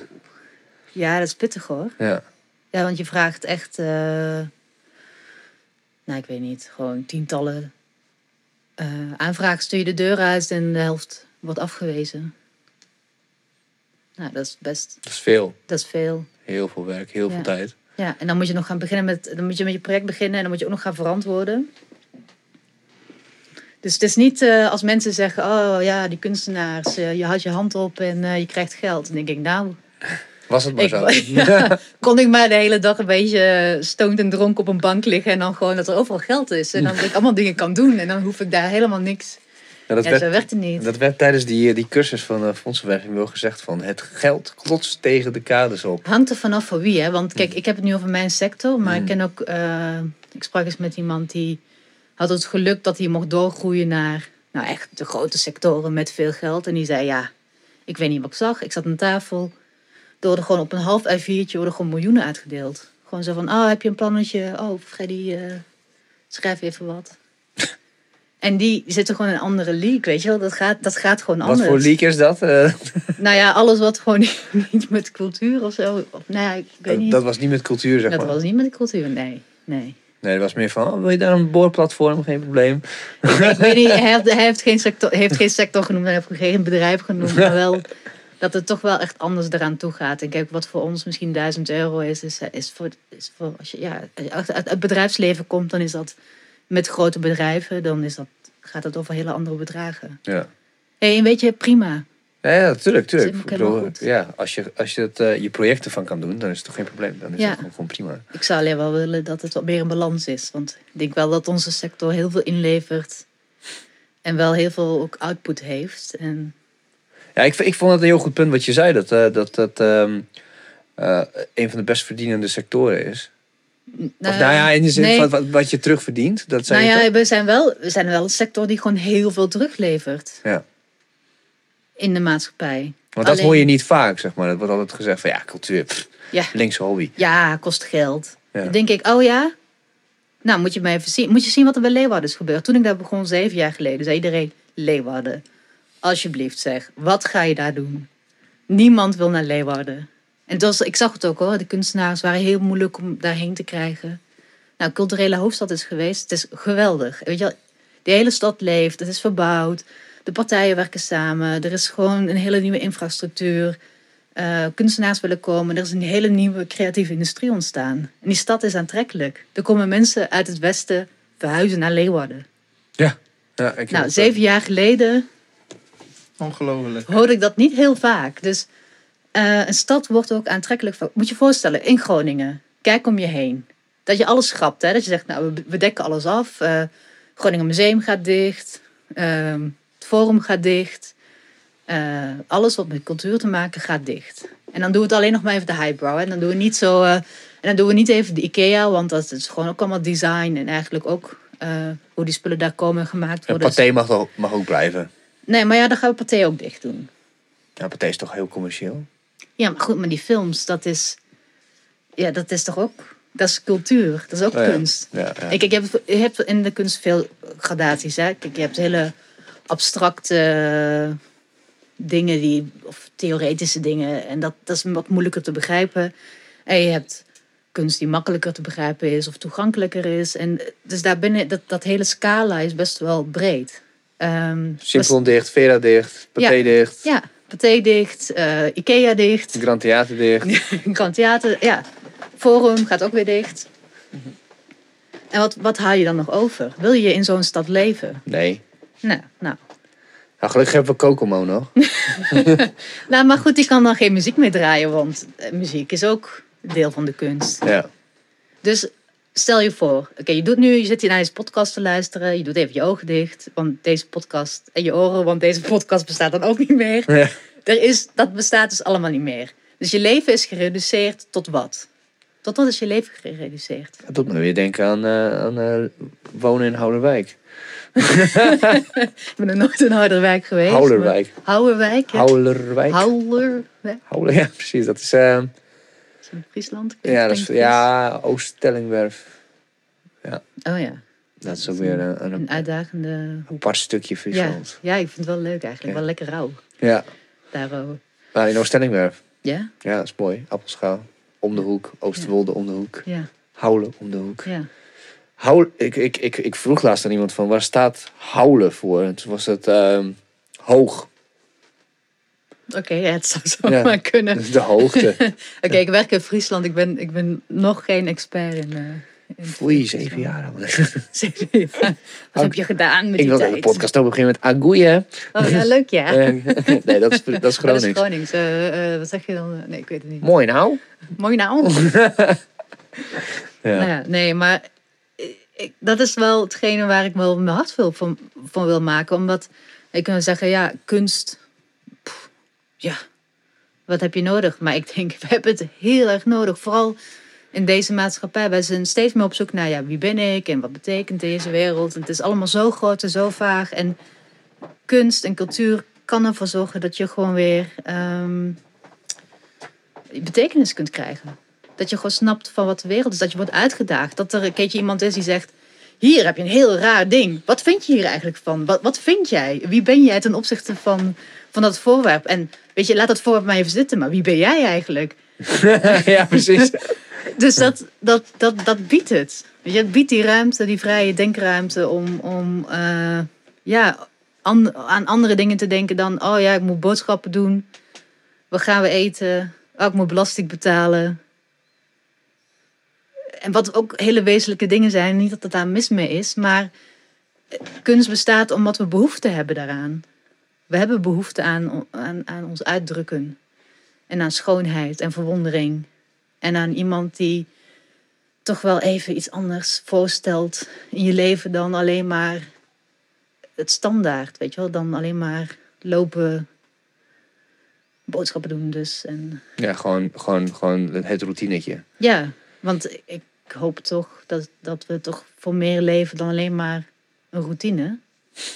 En dat zie je ook, dat we dat willen. Want we hebben Netflix, weet je wel, we allemaal hele mooie series zien. Maar dat is ook routine, toch?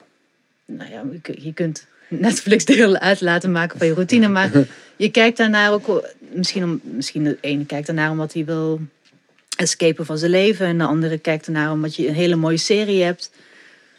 Om- Maar omdat je wil, wil meegenomen worden, omdat je andere perspectieven wil zien. Het is zo belangrijk. Ja, ja, ja. Want als je niet die vrije denkruimte hebt, als je niet, die, niet dat democratische platform hebt, of dat je niet eh, een plek hebt waar gewoon hele, ja, weet je wel, waar, waar, waar je dingen ziet of meemaakt die je anders niet meemaakt en die jou uitdagen om opnieuw stelling te nemen of opnieuw jezelf te positioneren, ja, dan krijg je een hele nauwe wereld.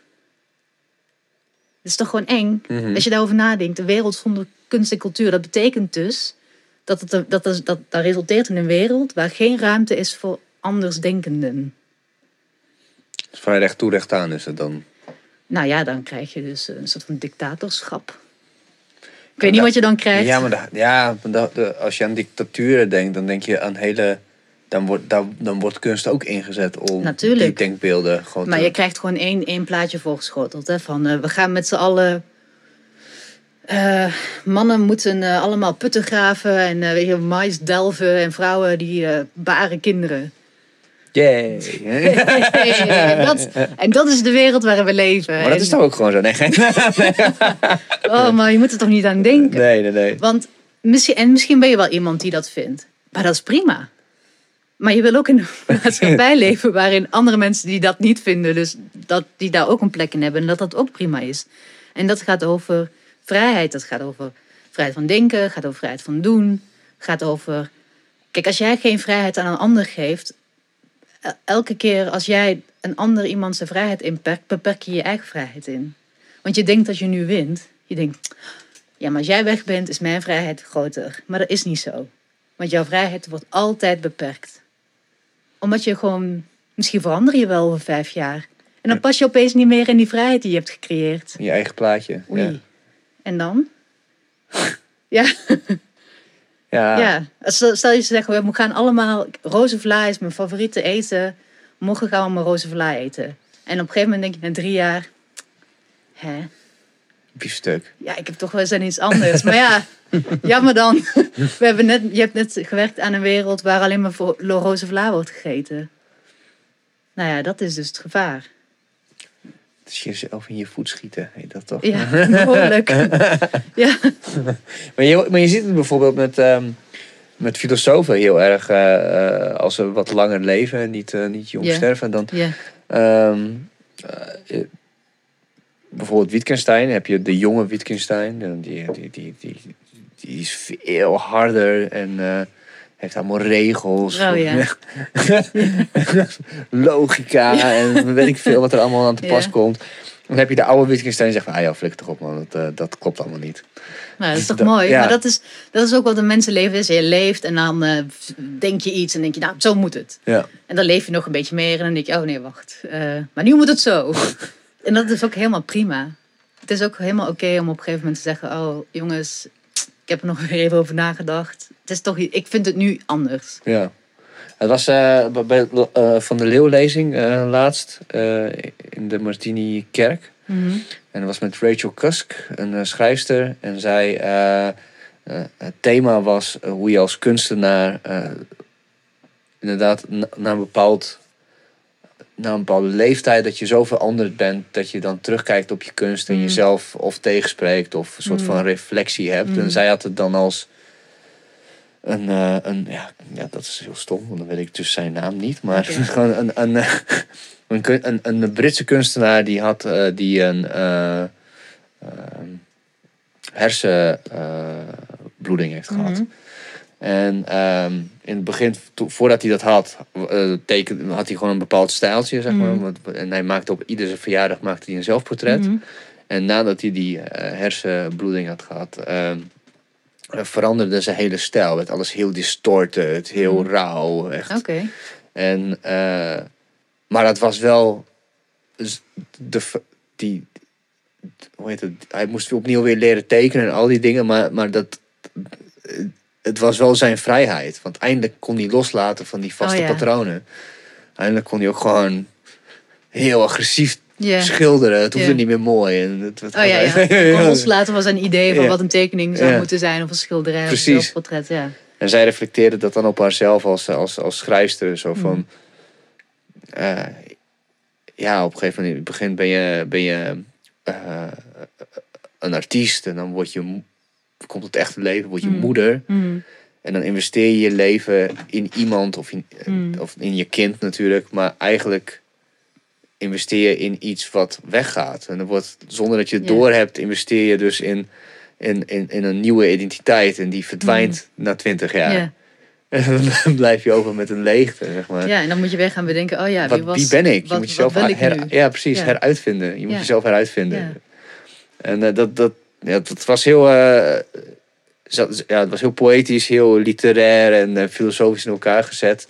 Dat ik echt zo zat van, oeh, waar gaat ze heen? Waar gaat ze heen? Mhm. Volg ik dit nog? Weet je wel? Mhm. Maar uiteindelijk het hele punt was van, eh, ja, hoe, wie, wie- je hebt altijd de vraag wie ben ik in elke stadium van je Mhm. leven. Ook op het moment dat je denkt van, yes, ik heb het gevonden. Dat duurt heel, e Ja. dat is heel eventjes en daarna is het zo van, pff, gebeurt er weer iets. En dan ben je weer helemaal fucked up. Ja, nou ja, dat hoort erbij. En dan ja, hopelijk krijg je daar steeds meer eh, weerstand. Of nou, niet weerstand, maar stabieler in. Dat je daar niet meteen... Moet je voorstellen, hè, toen je nog, eh, weet ik veel, puber was. Dan gebeurt er iets. Nou, uit drama. Weet je, twee verschillende sokken aan. Oh, wat erg. Skinny jeans. Ja, dat je een bepaald idee hebt. En dan is dan oh, zo erg als het dan gebeurt. En als dat nu zou gebeuren, denk je... ja, Oh, hebben we het hierover? Oh, is, het- is dit een onderwerp? Ja. Dus het is ook wel weer heel fijn dat, dat je hoop, ja, ik- hoop voor iedereen een beetje steeds meer denkt, nou ja, goed, sommige dingen maken gewoon echt niet meer uit. En andere dingen weer wel. Nou ja, goed. Dat je ook steeds meer scheid hebt aan hoe je eruit ziet. Zeg maar. nou ja, Bijvoorbeeld, ja. Ja. ja, het is wel een bevrijding. Ja. Dat, je, dat je op een gegeven moment denkt, oh ja, nee, maakt me echt niet uit dat jij denkt dat, eh weet ik veel, een roze, roze topje stom is. Ja, Ik precies. vind het leuk, dus nou ja, goed. Maar eh, wat wil ik nou zeggen? Oh ja, ik, ik zit dus de hele tijd al al heel lang met zo'n idee van, om een eh, eh, column te schrijven. Of, of in ieder geval een soort van drieluik over Mhm. de bipolaire rollercoaster van het ondernemerschap. nee, dat is al, alvast een goede titel. ja.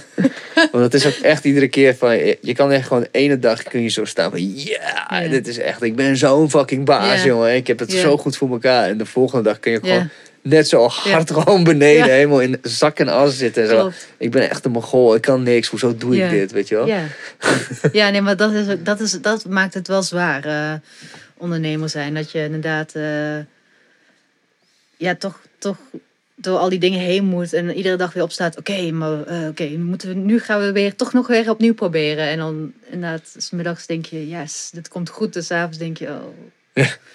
Oh, wat is er gebeurd? Ja, Of je hebt net een gesprek gehad en het is allemaal heel hoopvol. Ja, het gaat helemaal werken. Ik zit helemaal maar Ja. eindelijk winning, weet je wel. ja, En dan- eh, krijg je echt een eh, klap van eh, weet ik veel waar vandaan. Ja, zo van, oh nee, dat was toch niet zo Ja, of een serieus. klus die niet doorgaat. Weet je, ja, Hmm. keihard hebt gewerkt om iets binnen te halen. En denk je, yes, het gaat gebeuren jongens. Nu komt hij, nu komt hij. En dan, en dan, oh ja, nu toch niet.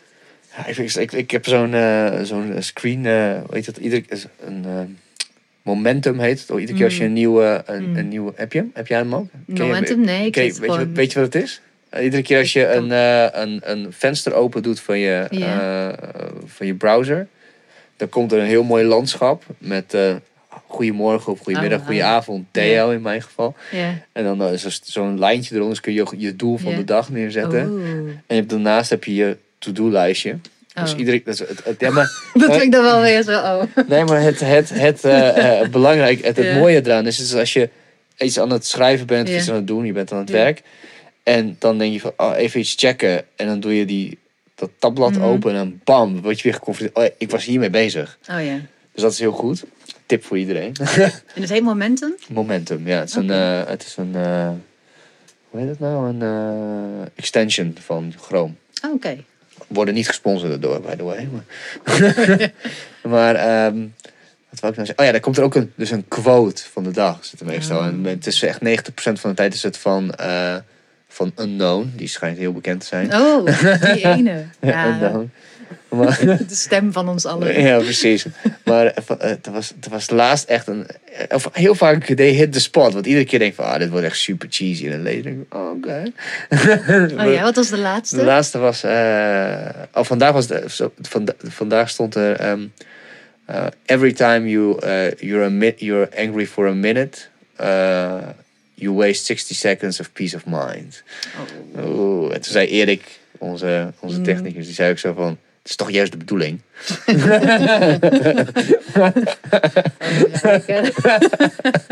Dat is wel een goede opmerking. maar de an- een andere ik, die ik echt heel vet vond. En ik dacht van ja, weet je, zo van, dat geeft me weer hoop. Dus zo van, the master has failed uh, more times than the beginner has, uh, has, has tried. Ja, maar dat, dat is echt wel spot on. Ja. Want dat is, dat is het, het, hetgeen met dingen doen. Op een gegeven moment, ja, als jij gewoon heel veel. Kijk, het is gelijk als je elke dag spaghetti me klaarmaakt, dan. En de- dat mislukt een keertje, denk je, ja. Nou, morgen weer een dag. En dat is hetzelfde met dingen ondernemen of organiseren of aan beginnen. Ja, eh, je doet dat heel veel en dan, nou, heel veel mislukt, maar ook heel veel lukt. Ja. Ja, je wint som, je lose som. En dan denk je, oké, goed, on to the next. En kijk, sommige, soms win je wat meer en soms verlies je wat meer. En dan is dat soms wat leuker of wat, toch nog wat pijnlijker. Maar ja, het is... Ja, als je, als, je, als je vijf dingen organiseert in een maand... en één daarvan is net iets minder... en de andere vier zijn goed gelukt... ja, dan denk ik, dus de opbrengst is goed. Precies. Eh, ja, maar vaak, vaker is het denk ik eh, dat twee heel goed zijn en drie. Denk je niet? Soms. Nou... Ik heb wel, probeer wel zoveel mogelijk Qua mensen... succes, hè? Qua succes. Ja. Ik heb niet qua, qua uitvoering of qua. Hmm. Nou, de een, de een wordt wat beter. Ja, hangt, ja, hangt ook weer vanaf hè, hoe je succes ziet. Ik zie, ik zie perso- eh, je, denk, zie jij succes? Ja, nou, nou, ik denk als ik een artikel schrijf en het is gewoon Nee. supergoed. Voor Volgens mezelf, wie? volgens, mij, volgens mij. Dan. eh, en ik lees hem dan eh, een jaar later terug en ik heb nog steeds. Wow, dit heb ik goed Mm. neergezet. Het is heel duidelijk, het is heel goed. Het geeft Mm. echt iemand een portret weer bijvoorbeeld. ja. Dan, dan is het een succes in het schrijven. Maar als het maar twee keer gelezen is, dan is het niet per se een fail. Maar het is wel een fail in dat ene stukje ondernemende waar het Oh voor ja, dat gemaakt is. zit het in, in de marketing. Ja, Ja. oké, maar zo kun je het alles langs verschillende meetlatten halen. Ehm, ja, heb ik dat? Nou, ik heb wel een soort van 60-40% regeling. Dat als eh 60% moet toch wel, wel de moeite zijn en leuk. En eh 40% mag minder leuk zijn of mislukt. Of... En die balans moet wel goed blijven. Want anders dan... Kijk, als dat, als dat andersom is, dan, dan vind ik het een algehele linie mislukt. maar mijn 60-40% regeling... Ja, die hou, ik, altijd- die hou ik altijd aan. Ik weet niet, hebben jullie dat? Een, Eh, nee. niet Zo, maar bedoel je dan dat per project of is dat gewoon in het zeg nee, maar, een balans over een jaar of nee, zo? mijn project vind ik wel, moet wel een hoger slagingspercentage hebben. moet echt iets van 80 procent. Mm, mm. moet gewoon wel goed zijn. Maar de algehele linie, zeg maar, vind ik... Weet je, als je, als je Qua 60 ontvangst. Bedoel je? Als je 60% van je, al je projecten en van je le gewoon eigenlijk alles wat je doet, als dat gewoon geslaagd is en dat is, daar ben je tevreden mee, nou, dan vind ik dat eigenlijk best wel een goed percentage. Dat is een goed Dus percentage. dat is wel de onderkant. dat is best wel een hoog percentage ook. Ja, dat je gewoon net even wat meer vaker denkt, nou, dit is goed, dan dat je denkt, dit is slecht. Ja, daar ben ik het wel mee eens. Nou, en dan denk ik, dan, volgens mij is dat ook redelijk realistisch. Als je hard werkt, denk ik, ja. Nou, ik weet niet of dat hard, hard werken is ook niet, ja, ik weet zoiets, maar... Wat, wat bedoel je? Nou ja, je hebt hard werken, je hebt hard werken. Ik heb met mijn studenten heb ik daar vaak over. En dan denk ik, hard werken is dat je dan, weet ik veel, 20 uur per dag achter een computer zit. Maar dat vind ik niet per se hard werken. Dat is gewoon heel erg onverstandig, 20 uur achter een computer zitten. Maar hard werken betekent, in ieder geval, ik denk dat dat ook het stukje ondernemerschap is. Als je langer bezig bent, is ook effectief werken. Dus Ja. als jij erachter komt dat je vijf uur per dag achter een computer kunt zitten. En dan haal je de optimale resultaten. Dan moet je dat wel gaan, dan moet je dat doen. Ja. En niet dan 20 uur achter je laptop zitten. Want dan ben je gewoon. Ja, wat ben je dan aan het doen eigenlijk? Ja, iedereen, wat ben je dan aan het doen, joh? Ja, Ja, ik, ik, doe, ik doe niks, maar wat. Nee, maar, ja, dit, nee, maar dat is ook vaak niet productief, Nee. weet je wel. Want Nee. Ik heb zelf vrij weinig tijd om te werken, maar als ik werk, dan, eh, ja, dan heb ik acht uur, zeg maar. ja. Maar ik ga niet acht uur werken, want dat, het wordt gewoon niet beter, Nee. zeg maar. Na vier uur, dan is mijn creativiteit echt best wel een soort van op. En dan ben ik wat moe en dan denk ik van, ja, ik zit nu nog steeds aan, aan mijn knopjes te trekken en te draaien. En het wordt gewoon minder steeds. Ja. Ik druk hele tijd ctrl-z eigenlijk, weet je. Dus ja, dan moet je weggaan. Ja, en dat is, precies. ook dat, Ja. dat is ook dat die ervaring die je dan hebt, dat je leert. Het is oké om dan weg te gaan en dan ga je iets anders doen, eh, bonnetjes sorteren of zo. Of Ja, iets, iets, waar je geen hersen, hersencellen voor nodig hebt. Mhm. Maar ja, eh, Schakelen, beter leren schakelen is eigenlijk dan gewoon hard Ja. werken. Ja, maar in het begin denk je ook van hard werken. Gewoon wat je zegt, gewoon, ik moet gewoon altijd aan de gang blijven. altijd helemaal kapot, en- altijd bereikbaar. En Oh. absoluut geen rust. Gewoon Nee. werken, werken, werken. S'avonds, je s'avonds, dat heb ik ook heel veel gehad. En dan zei ik Mm. voor de tv, denk ik van, ja, ik ben gewoon echt een, echt een loser, weet je wel. Iedereen is bezig en ik zit hier tv te kijken. What the fuck, weet je. Ja, Maar je hebt het juist gewoon nodig. Ja. Je moet gewoon echt helemaal uit zijn. Ja. En dan ben je de volgende Ja. dag veel meer gefocust aan, zeg maar. En dan creëer je dus beter werk. Ja. En het is niet eh, het is, eh, contra-intuïtief, zeg maar, weet je wel. Je denkt van, Mhm. hè, maar ik doe minder, maar het gaat beter. Ja. Hoe Ja, zit dat dan? Ja, het is- een soort van mythe die wordt gecreëerd over dat je altijd gewoon duizend procent aan het rennen bent. Ja, precies. En dat, Looking Kijk, busy. ja, Met je zo telefoon van- zo en je wat ja, papieren ja. in de hand. Zo. Gewoon een beetje rondjes gaan lopen. Want, eh, nee, maar ik denk wel, in het begin moet je dat wel doen. Om ook te leren van waar, waar ligt mijn grens en wat werkt voor mij wel en niet. Ehm, want ik merk ook wel eens bij sommige van mijn jongere collega's dat denk ik, nou, volgens mij moet je eerst nog even 20 uur per dag achter je laptop gaan zitten. Nog even echt leren, leren wat die grenzen zijn. Dus dat je ook weet wanneer wordt iets goed en niet goed. Eh, maar ik denk wel, ben wel blij dat je als je met ouder worden, dus dat heel veel dingen rustiger worden. Dus heel veel dingen maakt niet meer uit. Maar ook dus dat je leert van, het is oké om af en toe gewoon, eh, weet ik veel, een of andere Netflix-serie te binge-watchen. En, eh, Even wat de oudzone. en te denken, het zal, de boel de boel. Ja, precies. Ja, want als je dan de volgende dag weer fris staat en je denkt, oké, nu kan ik scherp zijn. Ja, ik merkte zelf voor het eerst. eh, ik heb het nu echt super druk aan het einde van het jaar. Mm.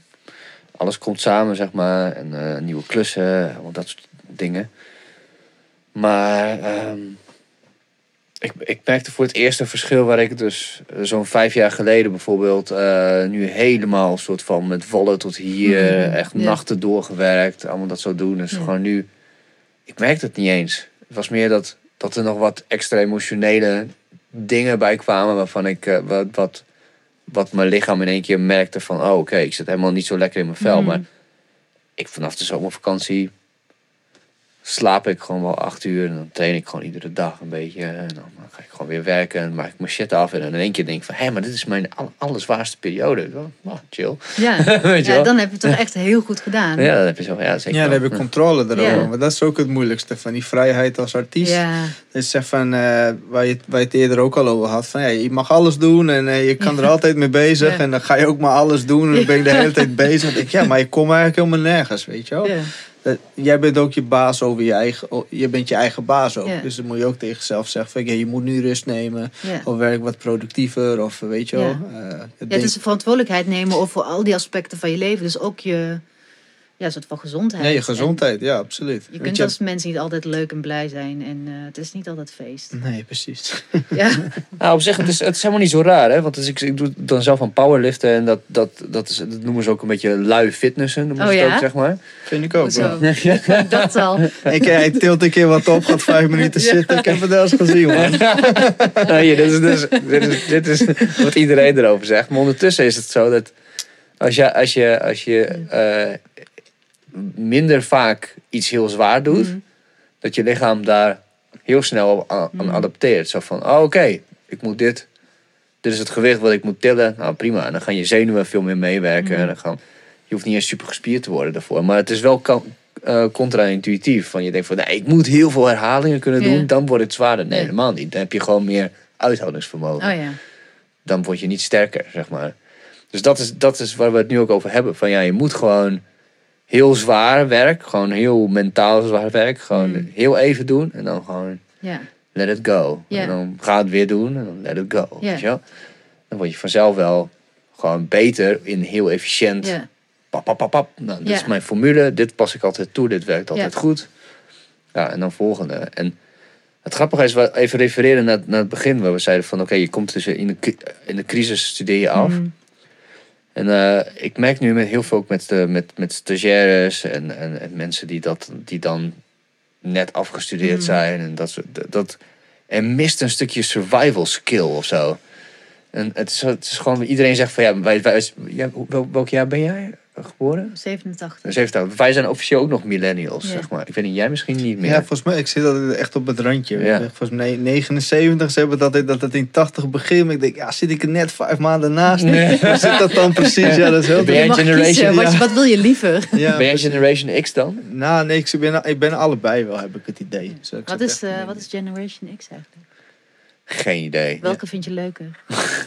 Nou, leuker. Ja, het zou me, zou me echt allemaal bij allemaal retro's Ja, eigenlijk.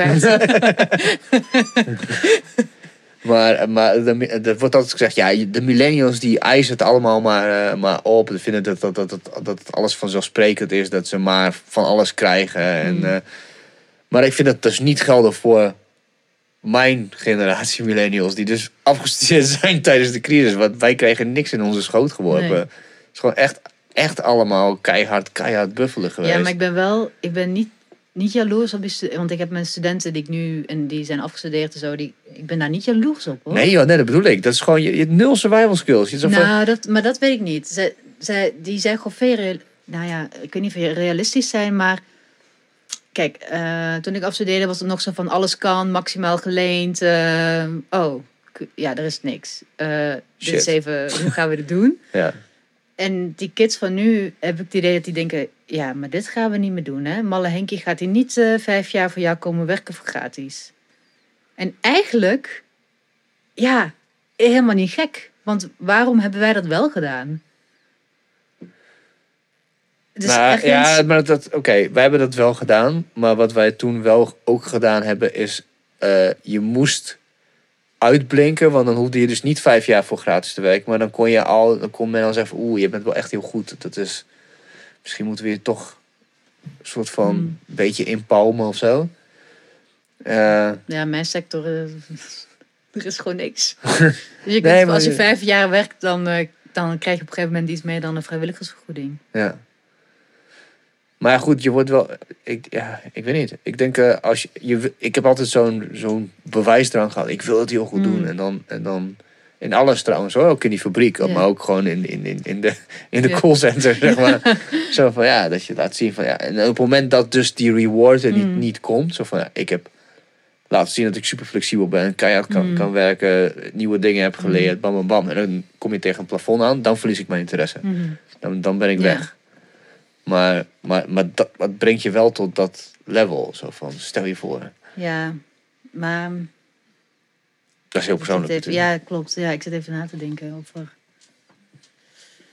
Ja, ik weet het niet. Ik denk dat wij. eh, ik vind het niet gek hoor wat die kleintjes eh, doen. Of kleintjes. Wat zeg je nou? ik vind het ook. ik weet niet. Ik zie dat bij, ik zie dat bij studenten. Ik, vind, ik weet niet. Dat, dat, is, iedere keer weer ontroeren ze me. Dus het gaat me toch aan de hart. En ik Maar Ja. ja, ja ik. Ja. Maar het is wel raar toch dat iemand eh, net een, Kijk, hebt- niet eens een stage heeft gelopen en dan gelijk een, eh, een, een, een, eh, vast contract wil of zo. Nee, maar is dubbel hè? Is dat raar of niet? Kijk, van waar wij vandaan komen zou mijn eerste reactie kunnen zijn: ja, dat vind ik raar. Ga jij maar even lekker ploeteren eerst nog. eh, en kom dan maar even terug. Ja. Maar aan de andere kant is het helemaal niet raar dat iemand zegt: Oh, wil jij mij? Wil je dat ik hier werk? Ja, dan moet je gewoon betalen.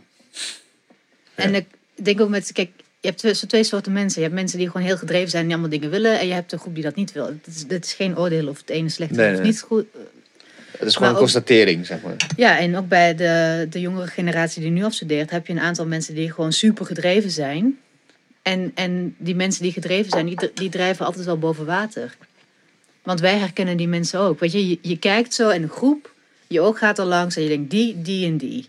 En je ziet het meteen. Je ziet van die wil het maken, die, die werkt hard en die. Maar ik vind het geen verkeerde zaak dat zij denken, we gaan, we gaan, dat, we gaan dat niet meer doen. Want eh, er wordt van alles beloofd. Weet je, vanuit de overheid van nee, of vanuit je ouders van ja, moet je gewoon lekker, eh, lekker doen eh, wat je zelf wil. pas, volg je passie. Ja. En dan sta je daar en dan is er, heb je geen huis, geen werk, studie, studie, studielening. Dus ik vind het helemaal niet gek dat zij daar een shift in brengen. Want wat er gebeurt is, zij dwingen de hele, nou, ik merk het van de cultuursector, zij dwingen onze sector. En dat is nu nog niet zo prangend, maar dat, ik denk dat het de komende jaren wel prangender gaat worden. Om na te denken over eh, het eerlijk betalen van je werknemers. Omdat ik zie dat de aanwas dunner wordt. Kijk, vroeger zat je gewoon met best wel grote groep. En dan ging je allemaal dingen organiseren. En dan, weet je wel, en dan uit die groep, de meeste mensen die kwamen wel ergens. En Ja. Ik zie ook in jullie podcast voorbij komen. Het zijn allemaal mensen waarmee we feest hebben georganiseerd. En allemaal dingen deden. Wie dan, wie dan, wie dan? Ehm, nou, volgens mij Emily ken ik via die feestjes. Vlieren zat bij mij voor op de middelbare school. Oh, wat grappig. Oh, wow. Nou ja, zet ik mee in de klas. Ging ik allemaal, allemaal dingen mee doen. Jimmy, Jimmy Veenhuis kende je, eh, kende je ook, Ja. volgens mij. Of hij kent ja, jou. Ja, ja, ja daar, eh, daar heb ik een paar keer mee ook. Zou ik bijna een project mee doen, is helaas nooit doorgegaan. Maar er komt vast wel weer een nieuwe gelegenheid. Dus het zijn allemaal mensen die gewoon gedreven bezig zijn. En dan ga je wel met z'n allen, ga je wel met z'n allen door. Weet je, je komt wel ergens. Maar ik vind het niet verkeerd dat er, dat er gewoon wordt na. Dat we worden met z'n allen eh, gedwongen na te denken over hoe houden we het voor onszelf gezond. Want hoe romantisch ook over die tijd kunnen doen. Ik wil, het is echt wel, ik hoef voor geen goud meer terug. Nee, nee, nee, nee, nee.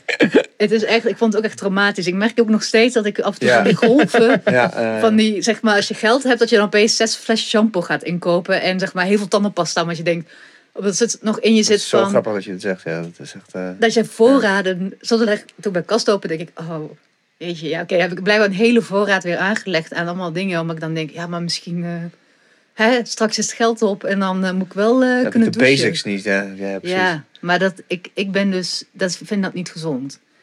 En ik vind dat ook niet oké dat wij daar in zitten. Ik vind het ook niet oké dat wij zo lang onbetaald werk doen. Ik vind het ook niet oké dat we nu in de maatschappij leven dat we bijna geen huis kunnen kopen of betalen. Ik vind het ook niet oké dat er geen dat, dat je bijna niet meer als er iets gebeurt in een uitkeringssituatie kunt komen. Want ik vind dat dat toch gewoon moet zijn voor iedereen. Niet omdat. En dan zegt iedereen ja, maar eh, mensen die lui zijn. Nou, de meeste mensen zijn niet lui. De meeste mensen willen ook geen uitkering. De meeste mensen willen gewoon nuttig zijn. Dus ik vind een heel beleid inrichten op, nou wat is het? 5 of 10 procent van mensen die misschien denken: ik hoef nooit te werken, ik heb wel een uitkering. Prima. Weet je wel, laat hem lekker. Focus je op die 90 procent die wel wat wil. Ja. Dus ik, ja. En een uitkering is echt niet veel geld hoor. En niemand wil daarin zitten. Dat is echt niet relaxed ook gewoon. Het is- 900 euro per maand. Ja, ik, kijk, nu zou ik daar. Ik zit er nu wel bovenop, maar ik heb heel lang had ik wel gedroomd van zo'n bedrag per maand. Ik wou dat ik zoiets kreeg, maar Het is gewoon in de normale wereld, als je gewoon een normaal huurhuis hebt en je moet je lasten betalen, is dat gewoon heel weinig geld. Ja, ja je, vind- moet, je, moet toch, je moet het echt gewoon... Dat is ook niet voor niets bijstand, zeg maar. Ja. Dat het ook zo heet. Dat helpt je een beetje. Ja, het is niet dekking, Ja. dekkingsplan. Het is gewoon bij. Ja. Dus hè, je hebt hier je leven en dan doen we een beetje zodat je net niet doodgaat. Of in ieder geval net niet. Ja, je, volgens Nederlandse begrippen, dus dat je dan dat er nog, nog een heel klein beetje ruimte is om gewoon. je boodschappen te doen en misschien enigszins deel te nemen aan deze maatschappij. Ja, precies. Ja. Maar ik vind het, ik vind dat gewoon eigenlijk. eh, ja, ik, ik snap hun wel dat zij denken van ja, waarom zou je kiezen? Ze hebben hun ouders gezien die in de crisis zaten, met huizen die soms verkocht moesten worden. Wat de depressies en de ellende die dat meebracht. En zij denken, wij gaan dat niet meer doen. En, ik, en dat dwingt ons eigenlijk met z'n allen ervoor dat we dat langzaam ook moeten gaan, moeten gaan veranderen. Omdat, ik heb het nu over mijn sector, maar die draait voornamelijk op vrijwilligerswerk. En iedereen vindt het geweldig en we moeten allemaal blijven. Hosanna in de hoge, oh kunst geweldig, oh zo leuk, la la la. Maar we willen niet betalen of, Nee. of minimaal. Nou ja, dan gaat het. En als je geen aanvoer meer hebt, ja, dan houdt het gewoon op een gegeven moment op. Ja. Ja, dan kun je op, oh ja, misschien als je dan geluk hebt, kun je collecties weer laten zien. Want het is heel belangrijk dat wij met z'n allen zorgen voor een gezonde sector. Hoe doe je dat volgens jou? Nou, dan ga ik naar heel veel bijeenkomsten, steeds. En dan vind ik iets. En dan zeg ik ook van, ik vind dat we allemaal een gezonde sector moeten hebben. Eh, gelukkig is er een eh, Fair Practice Code eh, uitgebracht met 10 punten van, oké, hoe ga je met elkaar op een normale manier om? Dat zorgt ook weer voor een visie op fair pay. Dus hoe word je eerlijk betaald? Daar is bijvoorbeeld het kunstenaarshonorarium uitgekomen. waarbij galerieën of musea's of instellingen, iedereen met de kunstenaar werkt, kan gewoon invullen hoeveel kunstenaars, hoeveel werk laat je zien, hoe lang. Nou, zoveel moet je betalen. Eh, en dat zorgt ervoor dat eigenlijk instellingen die subsidies krijgen verplicht worden om kunstenaars te betalen. Maar ook werknemers. Ja. En dat is dan meer in die fair pay eh, die dat zit. ehm, of ja, eh, de fair practice code. Dus dat je niet op zondagavond iemand belt en zegt... je moet nu drie e-mails versturen. Dat je dat met elkaar eerlijke afspraken maakt ook van... oké, eh, hoe gaan we met elkaar om in het veld? Nou, ik, ik denk ook wel dat dat... ehm, ik zie ook wel een parallel tussen de kunstwereld en sectoren daaromheen, bijvoorbeeld gezondheidszorg. Want je ziet heel vaak wat er in de kunst gebeurt. Dat gebeurt vaak vijf jaar later in een andere sector. Ja. Dus toen ik ging werken als bij- bijbaantje in eh, de thuiszorg, waren net alle thuiszorgmedewerkers ontslaan of waren verplicht ZZP'er te worden. Nou, toen kwamen alle beeldende kunstenaars daar werken. Ik hou van beeldende kunstenaars, maar het is vaak niet een heel goed teken als je sector wordt overgenomen door beeldende kunstenaars. Want het zijn gewoon allemaal mensen die denken, ik wil werken, is er iets flexibel? Ik pak, pak gewoon elk, elk baantje aan wat ik kan. Ja. Dus dat betekent dus dat, dat, je, dat je pool aan vaste krachten en kennis verdwijnt en ingeruild wordt voor goedkope arbeid. Ja. Ja, dat is gewoon geen goed teken. Dan gaat de kwaliteit ook gewoon omlaag. Nou ja, en dat betekent dat je sector niet weerbaar genoeg is. Dus je hebt allemaal mensen die daar niet zitten omdat hun passie of ten doel is om thuiszorgmedewerker te worden en die sector gezond te houden. Maar die zitten daar. Heel even. Ja, ik heb een bijbaan nodig en ik vind het ook wel leuk en ik vind het belangrijk om met mensen te werken. En ik lever ook de, de kwaliteit en de zorg die nodig is. Maar dit is, dit is niet mijn. Weet je, ik ga, ik ga straks weer iets anders doen als, als dat kan. Ja. Het laat zien dat de sector gewoon niet gezond is. Dat die thuiszorgmedewerkers ontslagen werden of voor minder dan het minimum moesten gaan werken of tegen minimum aan. Ja, dat is erg. Ja, ik Ja. vind dat echt heel schandelijk. Dus ik vind het heel goed hoor dat, die, dat, die, eh, dat de nieuwe generatie zegt: ik doe niet meer. Nou, dat is een hele andere visie erop. Nou, dat vind ik, ja, oké, dat, is, eh, dat, dat vind ik wel goed. En af en toe heb je ook gelijk, denk Ja. ik. Lieve schat, jij moet nog even meters maken. Ga maar even lekker poeteren. En dan praten we weer verder. Eh, want som- soms, maar ik denk dat je dat altijd al hebt gehad hoor. Dat sommige mensen niet echt een realistisch beeld hebben van wat ze moeten doen of welke kwaliteit ze moeten afleveren. Maar ik denk de meeste mensen zijn gewoon, eh, ja. Ja, want mijn motto is wel echt nog steeds wel gewoon work harder, nobody, nobody cares, weet je wel. Of nobody cares, work harder, dat is hem eigenlijk. Oh ja, oh, dat is wel heel erg eh, pessimistisch. Ja, of... Ik of hoor gewoon Arnie dat ook zeggen zo. Niet een beetje. Oh, lekker dat je me erin komt. ja, nee, ja, Arnie, ja, dat is... ehm Wie is Arnie? oh ja, dus, ja, dat Ah, is- Schwarzenegger? Ja, Oh, van eh die poster hier ergens? ja, ja. ja. Ja, maar dat is gewoon... Nou, het is wel work your ass off, zegt hij. Zo van, hij zegt van, van... Je moet wel in jezelf geloven. En je moet Mm. regels breken. Die, die gewoon door iemand bedacht zijn. Niet zozeer de, de wet, maar gewoon regels. En je moet gewoon niet bang zijn om te falen. Gewoon gaan. Klopt. Ja, nee, maar dat is ook zo. En als iemand zegt, dit kan niet, de nee-zeger, zeg maar, dit, dit gaat nooit lukken. Zeg van, oh, het gaat nooit lukken. Oh, dat betekent dus als als het mij lukt, dan ben ik de eerste die Ja. het gelukt is. Dus dat is best wel vet. Ja. En dan uiteindelijk is het natuurlijk, geef wel iets terug. Het is wel Amer- Amerika. Dus, Maar ik vind wel... Kijk, als je alleen maar... Je, goede energie is wederkerig, hè? Nee, ik heb heel. Goeie. je, bedoel, je geeft iets goeds, dan kan ja, je geeft een glimlach en je Nee, krijgt een nee, glimlach. nee, nee, dat? dat betekent dat is uitwisseling. Dat is bijna een commerciële deal. Maar als jij gewoon lekker bezig bent, net gelijk als je op een feestje bent, als je gewoon een goede vibe hebt met iemand, dan krijg je die vibe terug en dan zeg je, hé, hey, leuk, hey. En dan ga je praten en dan is het gewoon gezellig. Maar dat is eigenlijk met alles, ik denk dat het wel gaat met alles wat je doet in het leven. Dus als je gewoon lekker bezig bent en je probeert gewoon het beste te doen, dan geef je energie en dan krijg je ook energie terug. Want dan hopelijk trek je dan mensen aan die ook denken, hé, hey, leuk, Ja. oh, ga je dat doen? Eh, nou, ik wil wel meehelpen. Ja, ik denk, ja dat, daar ben ik helemaal mee eens. Ik denk dat het wel zo werkt. Ja. Ik bedoel, als ik kijk nou gewoon, dat, het hele, dat mag gebeuren, dat, is, dat draait daar eigenlijk op. En, eh, en dit, deze podcast, dat jullie was onze eerste, eerste gast. En die zit nu ook gewoon, eh, Ja. Gewoon zo'n woensdagavond. te- Ze heeft op een manier ook bedacht, oh, het is wel best wel leuk om hier te zijn. Dat is wel goede energie. Uh, en, dat, en dat haal je niet als je dan om de vijf minuten denkt, oh, ik moet toch even naar hem lachen. Zo. Ja, ik kan niet af en toe mijn mail checken. Dat scheelt. ik heb heel veel werk mensen gedaan dat- hier hoor. Oh, je zet het hier altijd op rood, zeg maar. dit Ja, ding. Dan ga je even business calls, nog, die saaie dingen. bonnetjes inscannen op je Dropbox. Ja. Gesnapt man, goddammit. Ja, ja, maar niet uit, man. Maar niet uit. Doe je ding. wat deed, Doe je maar ding. Zolang je maar die Arnie clips blijft draaien, weet je. maar eh, eh, van, van Damme, je bent, eh, je, bent- je, je bent van Belgische roots. Ja, Je hebt niks te maken met Jean-Claude.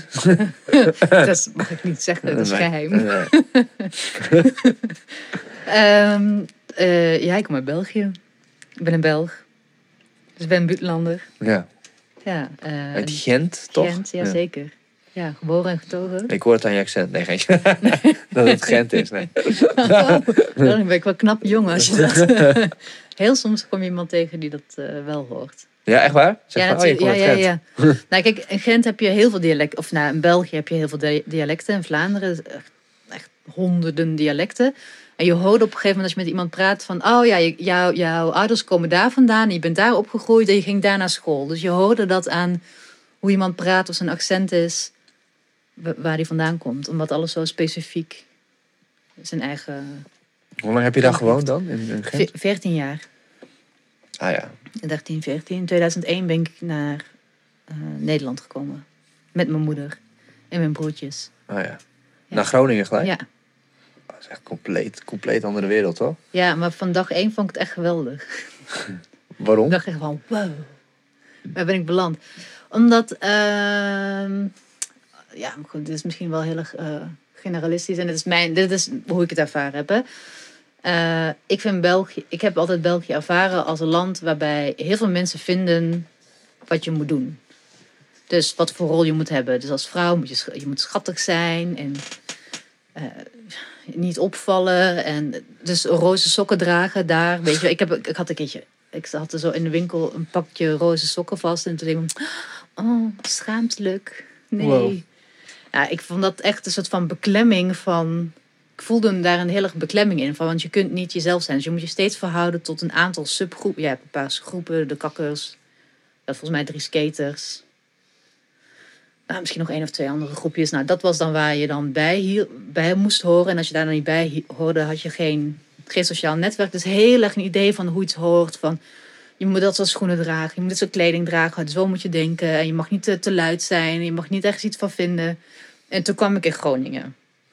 Ik, je loopt zo, je stapt de auto binnen, buiten en je ziet zo een, een bunker en een gothic. Ik heb dat nooit van mijn leven gezien. Ik dacht, een gothic, wat, wat is dit? en, eh, je ziet opeens allemaal verschillende mensen en eh, iedereen die mag gewoon iets vinden. Je mag gewoon zeggen wat je wil en ja, je kunt gewoon doen wat je wil en jezelf ontwikkelen. Ja, ik dacht, dit is mijn walhalla. ook gelijk iedereen zegt ook waar het op slaat. Ja, oké, soms iets te veel. En dacht ik, jezus, kun je ook gewoon vijf minuten gewoon even niet praten. Maar ja, ik dacht wel, dit is wel, ik voelde me er wel veel beter thuis mee. En je mag gewoon denken, vrijheid van denken, vrijheid van doen, vrijheid van je leven invullen. Ja, want dat is ook, eh, ik, ik denk, ik heb altijd een beeld bij België van het is een beetje een soort van als eh, België Engeland is, dan is Nederland Amerika. Zeg maar, een soort van Nederland is wat harder, wat platter, wat pap, pap, pap, pap, weet je. En terwijl Belgen die, die, die die, eh, keeping up appearances.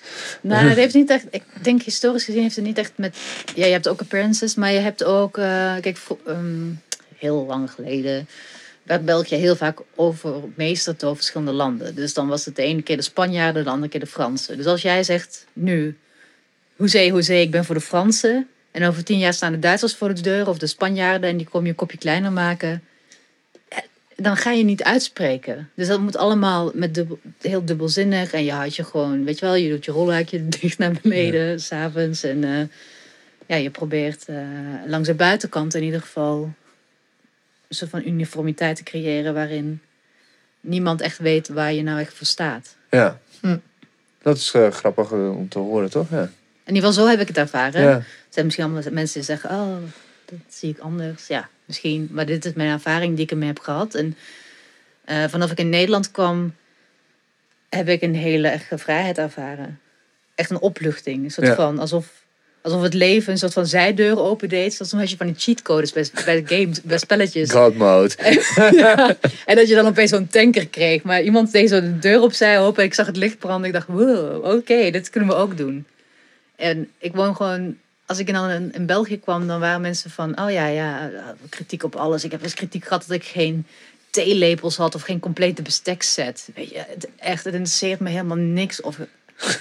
ik bestek... ah, Allee, hè, laat die... eh, ja, oh ja, eh, theelepels, denk ik. Ja, eh, ik had ook dacht, de kans van je ze voor gebruiken. Ja, dat is dan schandalig. Nou, dan denk ik, ik kan daar dus echt helemaal niks mee. Ja, ik, heb- ik heb dat ook wel in eh, Bulgaarse standaarden, zeg maar. Dat, Ja. eh, eh, het is wel iets minder erg dan dit. Maar mijn moeder die, die, die zegt zo, hoezo heb jij geen servetten?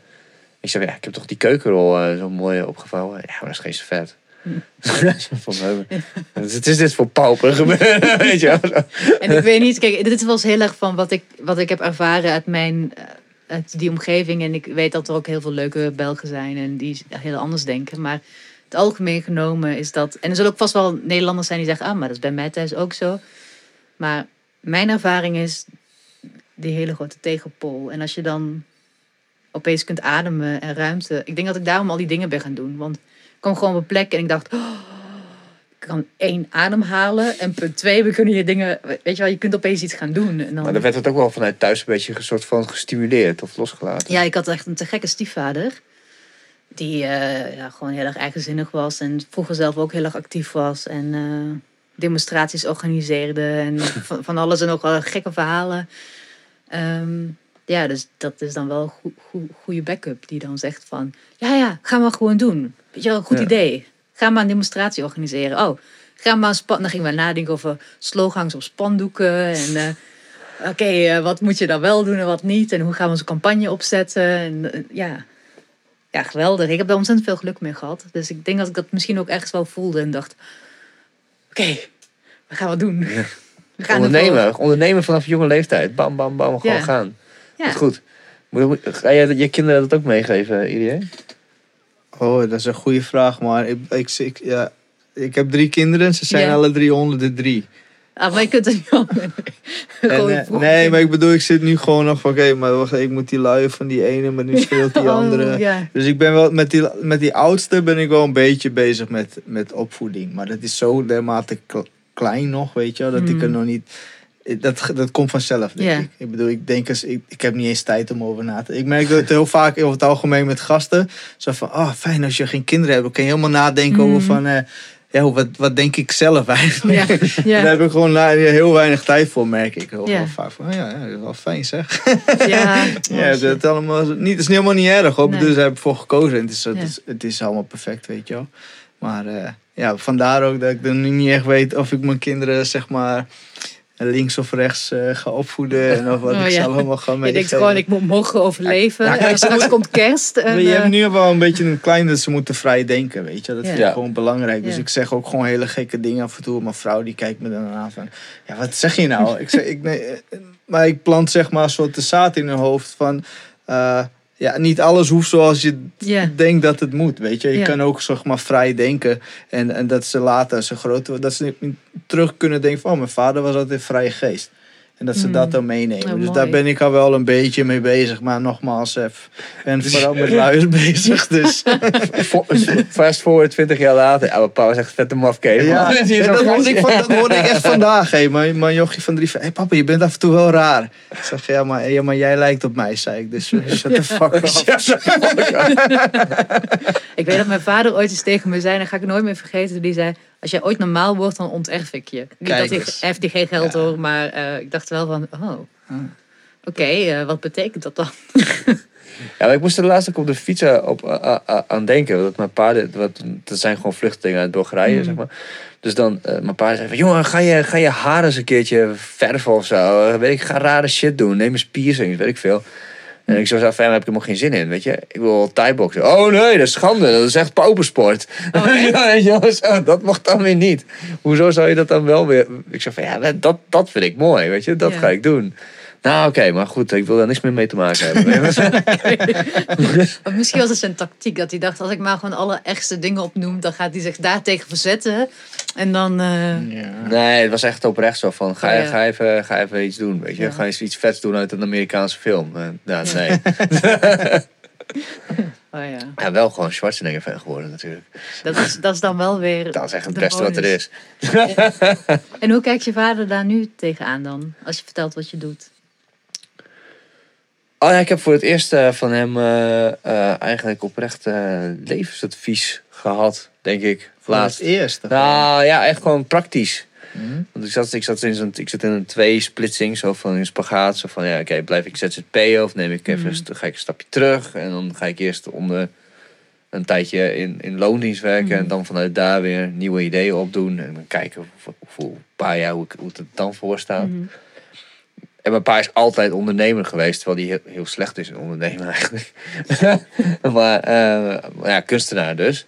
En ik zei tegen hem van ja, maar ja, weet je, zo, eh, ja, ik sta een beetje voor een dilemma. Mhm. En eh, hij zei van ja, ik zou gewoon in loondienst gaan. Want eh, hij, heeft, hij heeft nog nooit een dag in zijn leven heeft hij, heeft hij iets anders gedaan dan kunst. Hè? Dat, dat wil geweldig. even side, side note. Geen bijbaantjes, niks. Wow, Nooit. dus hij heeft het echt gemaakt. ja, dus, dus hij zei van... eh ja, ik zou dan misschien dan toch wel in loondienst gaan. Kijk maar naar mij. Dan heb je dan op je zestigste heb je een keertje geld om een huis te kopen. Ja, ik kan net zo goed wel gewoon nu een huis kopen. En dan zie je later wel Ja. of je wel weer gaat. Dat van, hé, hè, hè, komt eindelijk. ik, ik dacht van dat hij zou zeggen, ja, dat moet je zelf weten. Ja, dat weet ik veel. ja, Oh, ja, dus dat was wel voor het eerst. dat dacht, oh, oké, oké, I'm listening. I'm listening. Zo'n goed perspectief. dus nu gaat er iets veranderen in je leven. Ja, misschien. Misschien wel. Ja, misschien wel. maar eh, maar ja, goed, als ik kijk hoe hij met mijn broertje omgaat, Mm. die, eh, die nu net vijf is geworden, dat is gewoon compleet anders. Het is gewoon eh, veel rustiger, veel eh beheerster. En op een gegeven moment keek me ook een keer zo aan en zei van ja, sorry, het is gewoon een andere opvoeding. Ja. Zei, nou, is goed dat je het ziet. Oh, Niet zo, niet zo van, godverdomme, wat doe je nou? Ja, Ja, je moet ook leren als vader, weet je. ja. Dus Ja, ja de eerste, dan gaat het altijd fout, zeg je Eerste probeert van als het... fucked up. Oh, oh, oh, nee, dit, is, dit, ja, dit werkt eigenlijk helemaal niet zo goed. en bij de tweede gaat het be- beter, bij de derde heb je het wel zeg maar down, zeg maar, denk ik. Ja, ja, die heeft het gewoon allemaal goed voor elkaar. Ja, die eerste moet je sowieso wel een beetje soort van... Je, je hebt, je hebt altijd nog therapie, hè? Dat, dat Een spaarpotje. Ja, dat, dat, dat kan ik je wel meegeven, sowieso. Volgens mij, volgens mij Terry Crews die zegt in zo'n interview dat hij, eh, dat hij zijn eerste twee kids eh, zo, eh, zo, zo, ja, dat hij altijd aan het uh, American voetbal was toen. En, eh, nou, hij zei van, als, als mijn oudste twee eh, vragen om geld, dan krijgen ze gelijk mijn, eh, mijn platinum creditcard mee. Die andere, de jongste drie, daar heb ik alle tijd in geïnvesteerd. Die moeten echt hun bek houden. die oudste twee is altijd gewoon schuldgevoel. Die kunnen gewoon altijd gewoon dat claimen. Oh, ja. Ja. Zijn jullie de oudste? Jullie broers? Eh, ja, ik ben de oudste ook, ja. Ik, ik, ik- Dus je Just die saying. pannenkoeken. Ja, precies. Ik ben wel die pannenkoek wel gewoon.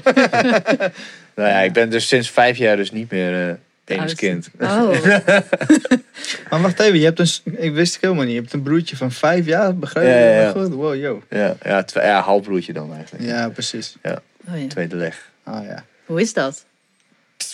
Merk je niks van, denk ik, in het dagelijks leven? Of, eh? Nee, maar hij begint nu, eh, hij begint nu eh, tot leven te komen, zou ik zeggen. Maar gewoon een persoon te worden, zeg maar. Mm. Dus nu kan je ook echt met hem praten. Daarvoor, ik, ik zie hem dan één keer, in, één keer in het jaar, twee keer in het jaar, weet je wel. Ja. Of via Skype. Maar dan via Skype, dat, via Skype kon ik niet eens begrijpen wat hij zei. Oh, ja. En vooral nu met die, met, met technologie, zeg maar. Ze zetten hem heel vaak ach- achter een iPad. Oh. En dan kijkt hij bijvoorbeeld, hij is heel erg geïntegreerd door treinen en door eh, industrie. Hmm. Dus dan eh, kijkt hij eh, een soort van Bob de Bouwer-achtige filmpjes in het Russisch. Dus dan praat hij half Russisch in één keer. Van, wat de fuck heeft hij het nou over? En, en soms dan, dan via Skype wat ik dan hoorde van hem was echt zo bla bla bla. En dan ging mijn paard vertalen. Zo van wat, hij, wat hij eigenlijk zei. maar, eh, maar toen ik in Bulgarije de, la- eh, de afgelopen twee keer was, kon ik gewoon met hem praten. En Oh, hij zei van, hé, hey, eh, eh, was het nog een beetje leuk in China? Want we zitten nu in China. En het jaar daarvoor ook. Hij zo, "Mhm, maar eh, zullen we dit en dit doen? Weet je wel, zo. Dan denk ik van, oh, yo, wat een gast hier. hè. Ja. Oh, ja, ja. ja, dus dat is wel... eh, maar ja, het is, gewoon- het is gewoon apart. En ook niet apart. Tegelijkertijd. Ja. Zo van, als je erover na gaat denken, dan maak je het gevoel apart. Maar als je er Mm. niet over nadenkt, dan is het er gewoon. Het is Ja. gewoon... Het, ja, ik, denk... Ik wilde hem helemaal... Yo, hier heb je een zwaard en hier heb je een gun. Weet je, dat vond ik zelf heel vet vroeger. Maar Hmm. ja, vindt hij wel leuk. Maar dat vindt hij, hij vindt het niet zo leuk. Hij vindt het veel toffer om je te vertellen hoe een stoomtrein werkt of zo. Oh ja. Dan Oh, denk je van leuk. ja, ja zo van wie de fuck ben ik om hem dan een gun in zijn handen te geven. Zeg van je moet gaan thaiboxen man. En dan eerst gewoon thaiboxen en dan gewoon Brazilian jiu-jitsu. En dan ben je een fucking killing machine. en hij zit er gewoon zo van, eh, nee, eh Nee. graafmachine. Thomas, Nee, de, nee, Thomas de Trein. Thomas de Trein.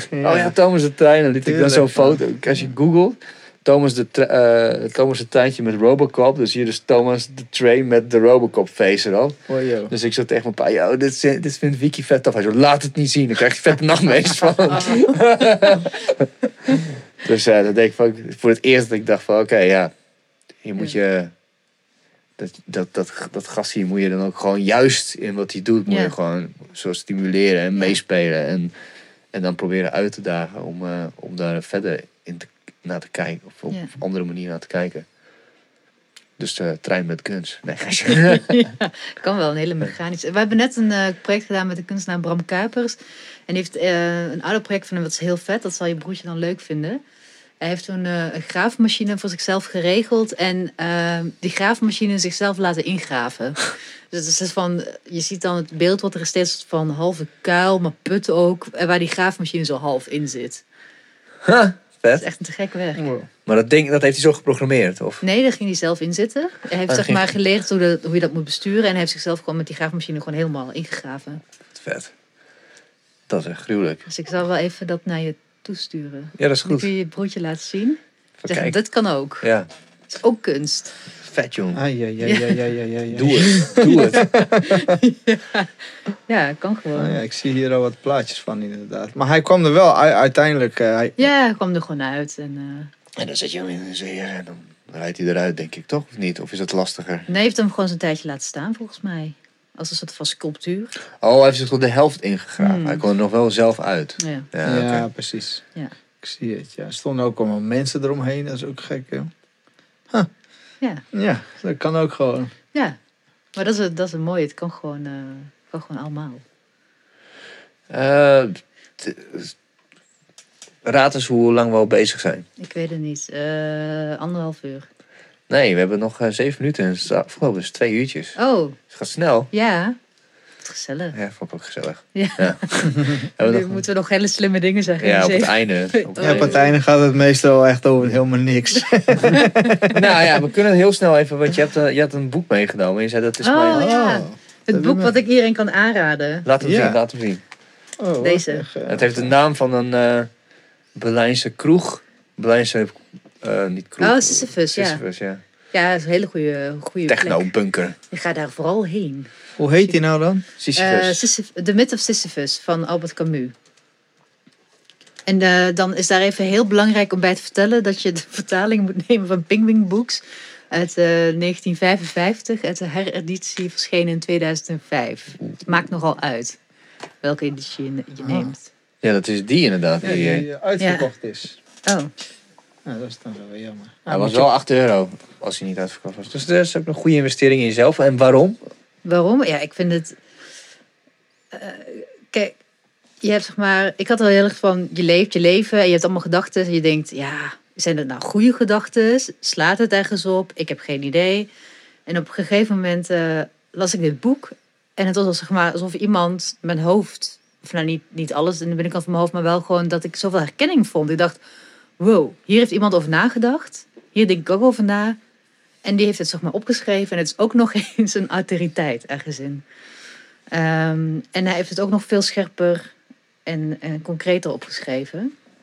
Eh, dus ik, ik voelde me gezien door dit boek. Of ik herkende me. Ja, En het, het gaat over... het ziet eruit als een, eh, als een eh, rechten... eh, ja, met allemaal van die plakketjes Ja. erin. zo. Dat toen moet ik alweer nadenken. Oh ja, deze quote. Moet ik er heel even heel goed over nadenken. Ehm, ja, dit gaat over het absurdisme. En je hebt verschillende soorten van absurdisme. Je hebt zo. Oh, je komt morgen in de supermarkt en het brood is 10 euro geworden. Oh, wat absurd. Maar dit gaat eigenlijk over het absurdisme in het leven. Dus eigenlijk voorbij de logica. En daar dan ook comfortabel zijn. Dus het gaat over het comfortabel zijn en, en het accepteren van dat de wereld en het leven absurd is. Dat is een, een quote van eh, Hunter S. Thompson, die, eh, die, eh, de journalist die eh Gonzo journalistiek heeft Mhm. uitgevonden. En Dat is When the going gets weird, the weird turn pro. Ja, Dus dat is eigenlijk Camus. dat, dat zou je kunnen zeggen van als je daar dan helemaal in gaat zitten en je denkt, dit is, dit is een interessant perspectief om de wereld te zien. Dan zou je daar, zou je onder andere het absurdisme kunnen noemen. Ik denk, het is een manier van. Hij zegt ook van als je eenmaal de wereld als absurd ziet en, en, en dat vanuit het absurdistische standpunt bekijkt, dan kun je nooit meer iets anders zien. En wat ik voornamelijk interessant vond aan hem is dat hij in dit boek eh, een heel hoofdstuk heeft geschreven over wat hij vindt waar een absurd kunstwerk aan moet voldoen. Eh, ja, en dat, daar herkende ik me heel erg in. Ik dacht van ja, dat vind ik alleen maar interessante dingen wat je hierover schrijft. Heb je een mooie quote? Want het is Sisyphus is natuurlijk de mythe van, eh, van die gast die dat, dat die steen de eh, omhoog aan het duwen is. Ja, en eh, in de Grieken is de onsterfelijkheid de allergrootste straf. En Sisyphus die had twee keer de dood om de tafel of om de tuin geleid. Eh, en dat was nog nooit eerder gebeurd. Dus toen hebben ze een soort van list geprobeerd te verzinnen voor Sisyphus. En ze zeiden, oké, kon- koning Sisyphus wou nooit sterven. En toen zeiden ze, als jij die bal boven die berg brengt, dan ga jij eeuwig kunnen leven. Alleen, het was zo stijl dat iedere keer als hij dan bijna boven kwam, dan rolde die bal weer naar beneden. Dus hij kwam nooit bij dat eeuwige leven. Maar Camus, eh, je zou nog kunnen zeggen van, daarmee heeft hij het eeuwige leven gevonden. Alleen niet het, misschien het eeuwige leven wat hij wou. Maar hij ging in ieder geval nooit naar de hel, zeg maar. Hij bleef altijd op die berg. En eh, Albert Camus zegt, Sisyphus is de meest gelukkige mens ter wereld. Want hij heeft zich kunnen eh, vereenzelvigen met zijn lot. En daarin is hij helemaal gelukkig. En dus eigenlijk de grootste ehm, opstand die je kunt hebben is dus als je een straf ombuigt naar een genot. Dus of, nou ja, genot, dat klinkt misschien maar dat je zegt van, oké, dit gebeurt, dit is heel erg kut, maar ik, vind, ik ga daar oké mee zijn. Ehm, ja, dus het boek brengt heel veel filosofische kwesties met zich mee. Eh, ja, die ik net voorlees, voorlas, vind ik eigenlijk ook altijd wel heel erg relevant. En dan moet ik altijd denken aan mensen die de kunst weg willen bezuinigen omdat ze vinden dat er te veel slechte dingen worden gemaakt. En dan zegt hij: The number of bad novels must not make us forget the value of the best. ja, dan denk ik, ja, die man heeft gewoon gelijk. en hij heeft het dus eigenlijk steeds over eh, transcending, dus zeg maar het overstijgen van bepaalde basic gevoelens. Dus, eh, ehm, dus als we zeggen van nou, als je werk maakt, dan eh, gaat het over. Je overstijgt zeg maar dat denken en dat intellect. Dat zweeft al door dat werk heen, maar het moet wel overstijgen. En dat vind ik zelf als ik naar kunst kijk of kunst programmeren, dan let ik daarop. Van, als je, je ziet soms een kunstwerk dat heel erg vastzit in dat denken. En dat zie je soms, het is heel leuk bij schilderijen kun je dat heel, soms heel goed zien. Dan zie je in een schilderij waar iemand zo helemaal lekker aan het schilderen was. Gewoon helemaal zo, oh ja, mm, mm. Dan zie je ergens zo'n stuk en denk je, wow, wat, hier gebeurde iets. Zeg maar, hier ging zeg maar, de geest aan en die ging dan bedenken wat er met dat stuk moest gebeuren. Dus een goed werk is een werk die dat eigenlijk al die gedachten en al die, dat, die kunde overstijgt. Dus je, je Dus zich- accepteert... Precies, Je, accept- ja, je, je, je accepteert dat, je hebt dat. En dan ga je plezier maken. Maar je kunt pas plezier gaan maken als je natuurlijk al die dingen kunt. Ehm, En ehm, even zien. Slotquote. Oh nee. Ik had er nog negen. Je mag, eh, En de tijd tikt ook hoor. Ja. Wil niet eh, moeilijk doen of zo. Twee, één. Ja, nee, misschien was die laatste wat het beste. Van eh, dat, je, dat, je, dat er gewoon heel veel gemaakt moet worden. En sommige dingen zijn gewoon, moeten gemaakt worden zodat dat er één ding gewoon heel goed is. Weet je, dat topkunst... Ook van jezelf. Ook van jezelf. Je Ja. moet gewoon heel vaak falen, je moet gewoon heel veel doen. En dan op een gegeven moment drijft daarboven dat ene ding dat helemaal gelukt is. Of die ene gedachte die helemaal uitgeschreven is. Maar daarvoor moet je wel heel veel doen. Want je, je, je kunt niet op je gat gaan zitten. Ja, misschien zijn er wel mensen die dat kunnen, maar dat zijn er misschien drie. Dus voor de meeste mensen geldt, je moet werken om ergens te komen. Dus je moet gewoon doen, doen, doen, doen, doen. En al dat doen zorgt ervoor dat op een gegeven moment, één of meerdere keren, gewoon iets heel goeds uitkomt. Dus, kijkers, luisteraars. Get off your lazy asses. Ja, dat zo ik ook doen. weer niet zeggen. Weet je, ik ben ook niet zo'n, ben ook niet iemand die vindt dat iedereen dan maar allemaal van alles eh, moet gaan doen of zo. Maar als je iets wil, ga, ga, ja, die zon, alleen de zon komt voor niks op, de rest niet. Ik ben er ook wel gerustgesteld dat ik dan allemaal crap maak. Maar dat, dat zeg maar iemand anders die het dan goed, iets goeds maakt, mijn crap compenseert. Nee, het gaat niet om compenseren. Het gaat erom dat jij moet gewoon maken. En doordat jij maakt, denken misschien andere mensen, oh, dat ga ik ook maken. En dan even lossen of jij wel hele goede dingen maakt of niet. Maar je moet gewoon maken. Mhm. En anderen moeten maken. En wij moeten met z'n allen gewoon allemaal dingen maken. En dan de ene die maakt misschien een keertje wat, wat beters. Maar dat, dat, dat, dat topding wat daar ontstaat. Dat ontstaat alleen maar bij, bij de machten van dat wij allemaal bezig zijn. Hmm. Ja, en soms is dat je, ben jij dat die even zo excelleert. En soms is dat een ander. Maar het Maar kan je- alleen maar als iedereen iets doet. Ja, ja, precies. dus jij, wat jij ook daar op je computer maakt. Dat moet, dat moet ontstaan. Dat moet er zijn. Mhm. Alles wat jij doet is waardevol en alles wat jij doet is nodig, zodat of jij of een ander of iemand die dit luistert iets kan gaan doen wat, wat, wat ja, misschien wel wat groter is of overstijgt. En niet, dit is niet zo van een zakelijke uitwisseling, maar het is, ja, je hebt dat nodig. Je bouwt aan een algehele basis, zeg maar. ja, het is niet, je gaat niet daar, daar zitten en dan op één keer een trek maken en die dan goed is. Maar je zei het ook heel mooi van de berg heeft alle stenen nodig Ja, voor dat, voor dat topje. voor de top. Ja. En dan zou het toch echt heel lullig zijn als je onderaan een berg staat en zegt... Nou, jij bent echt een hele stomme steen. Ik wou dat jij niet bestond. Ja. Ja, dat kan niet. Iedereen is even wa- evenwaardig. Gelijkwaardig. Nou ja, je hebt het allemaal nodig in al zijn aspecten. Oké, laten we het hier, eh, hiermee Your work matters, man. Ja, nou dat is het. Ja. Doet ertoe. Ja. Dankjewel. Oké, Uh, nog een keer. nog een keertje wel. Hoppa. Hoppa.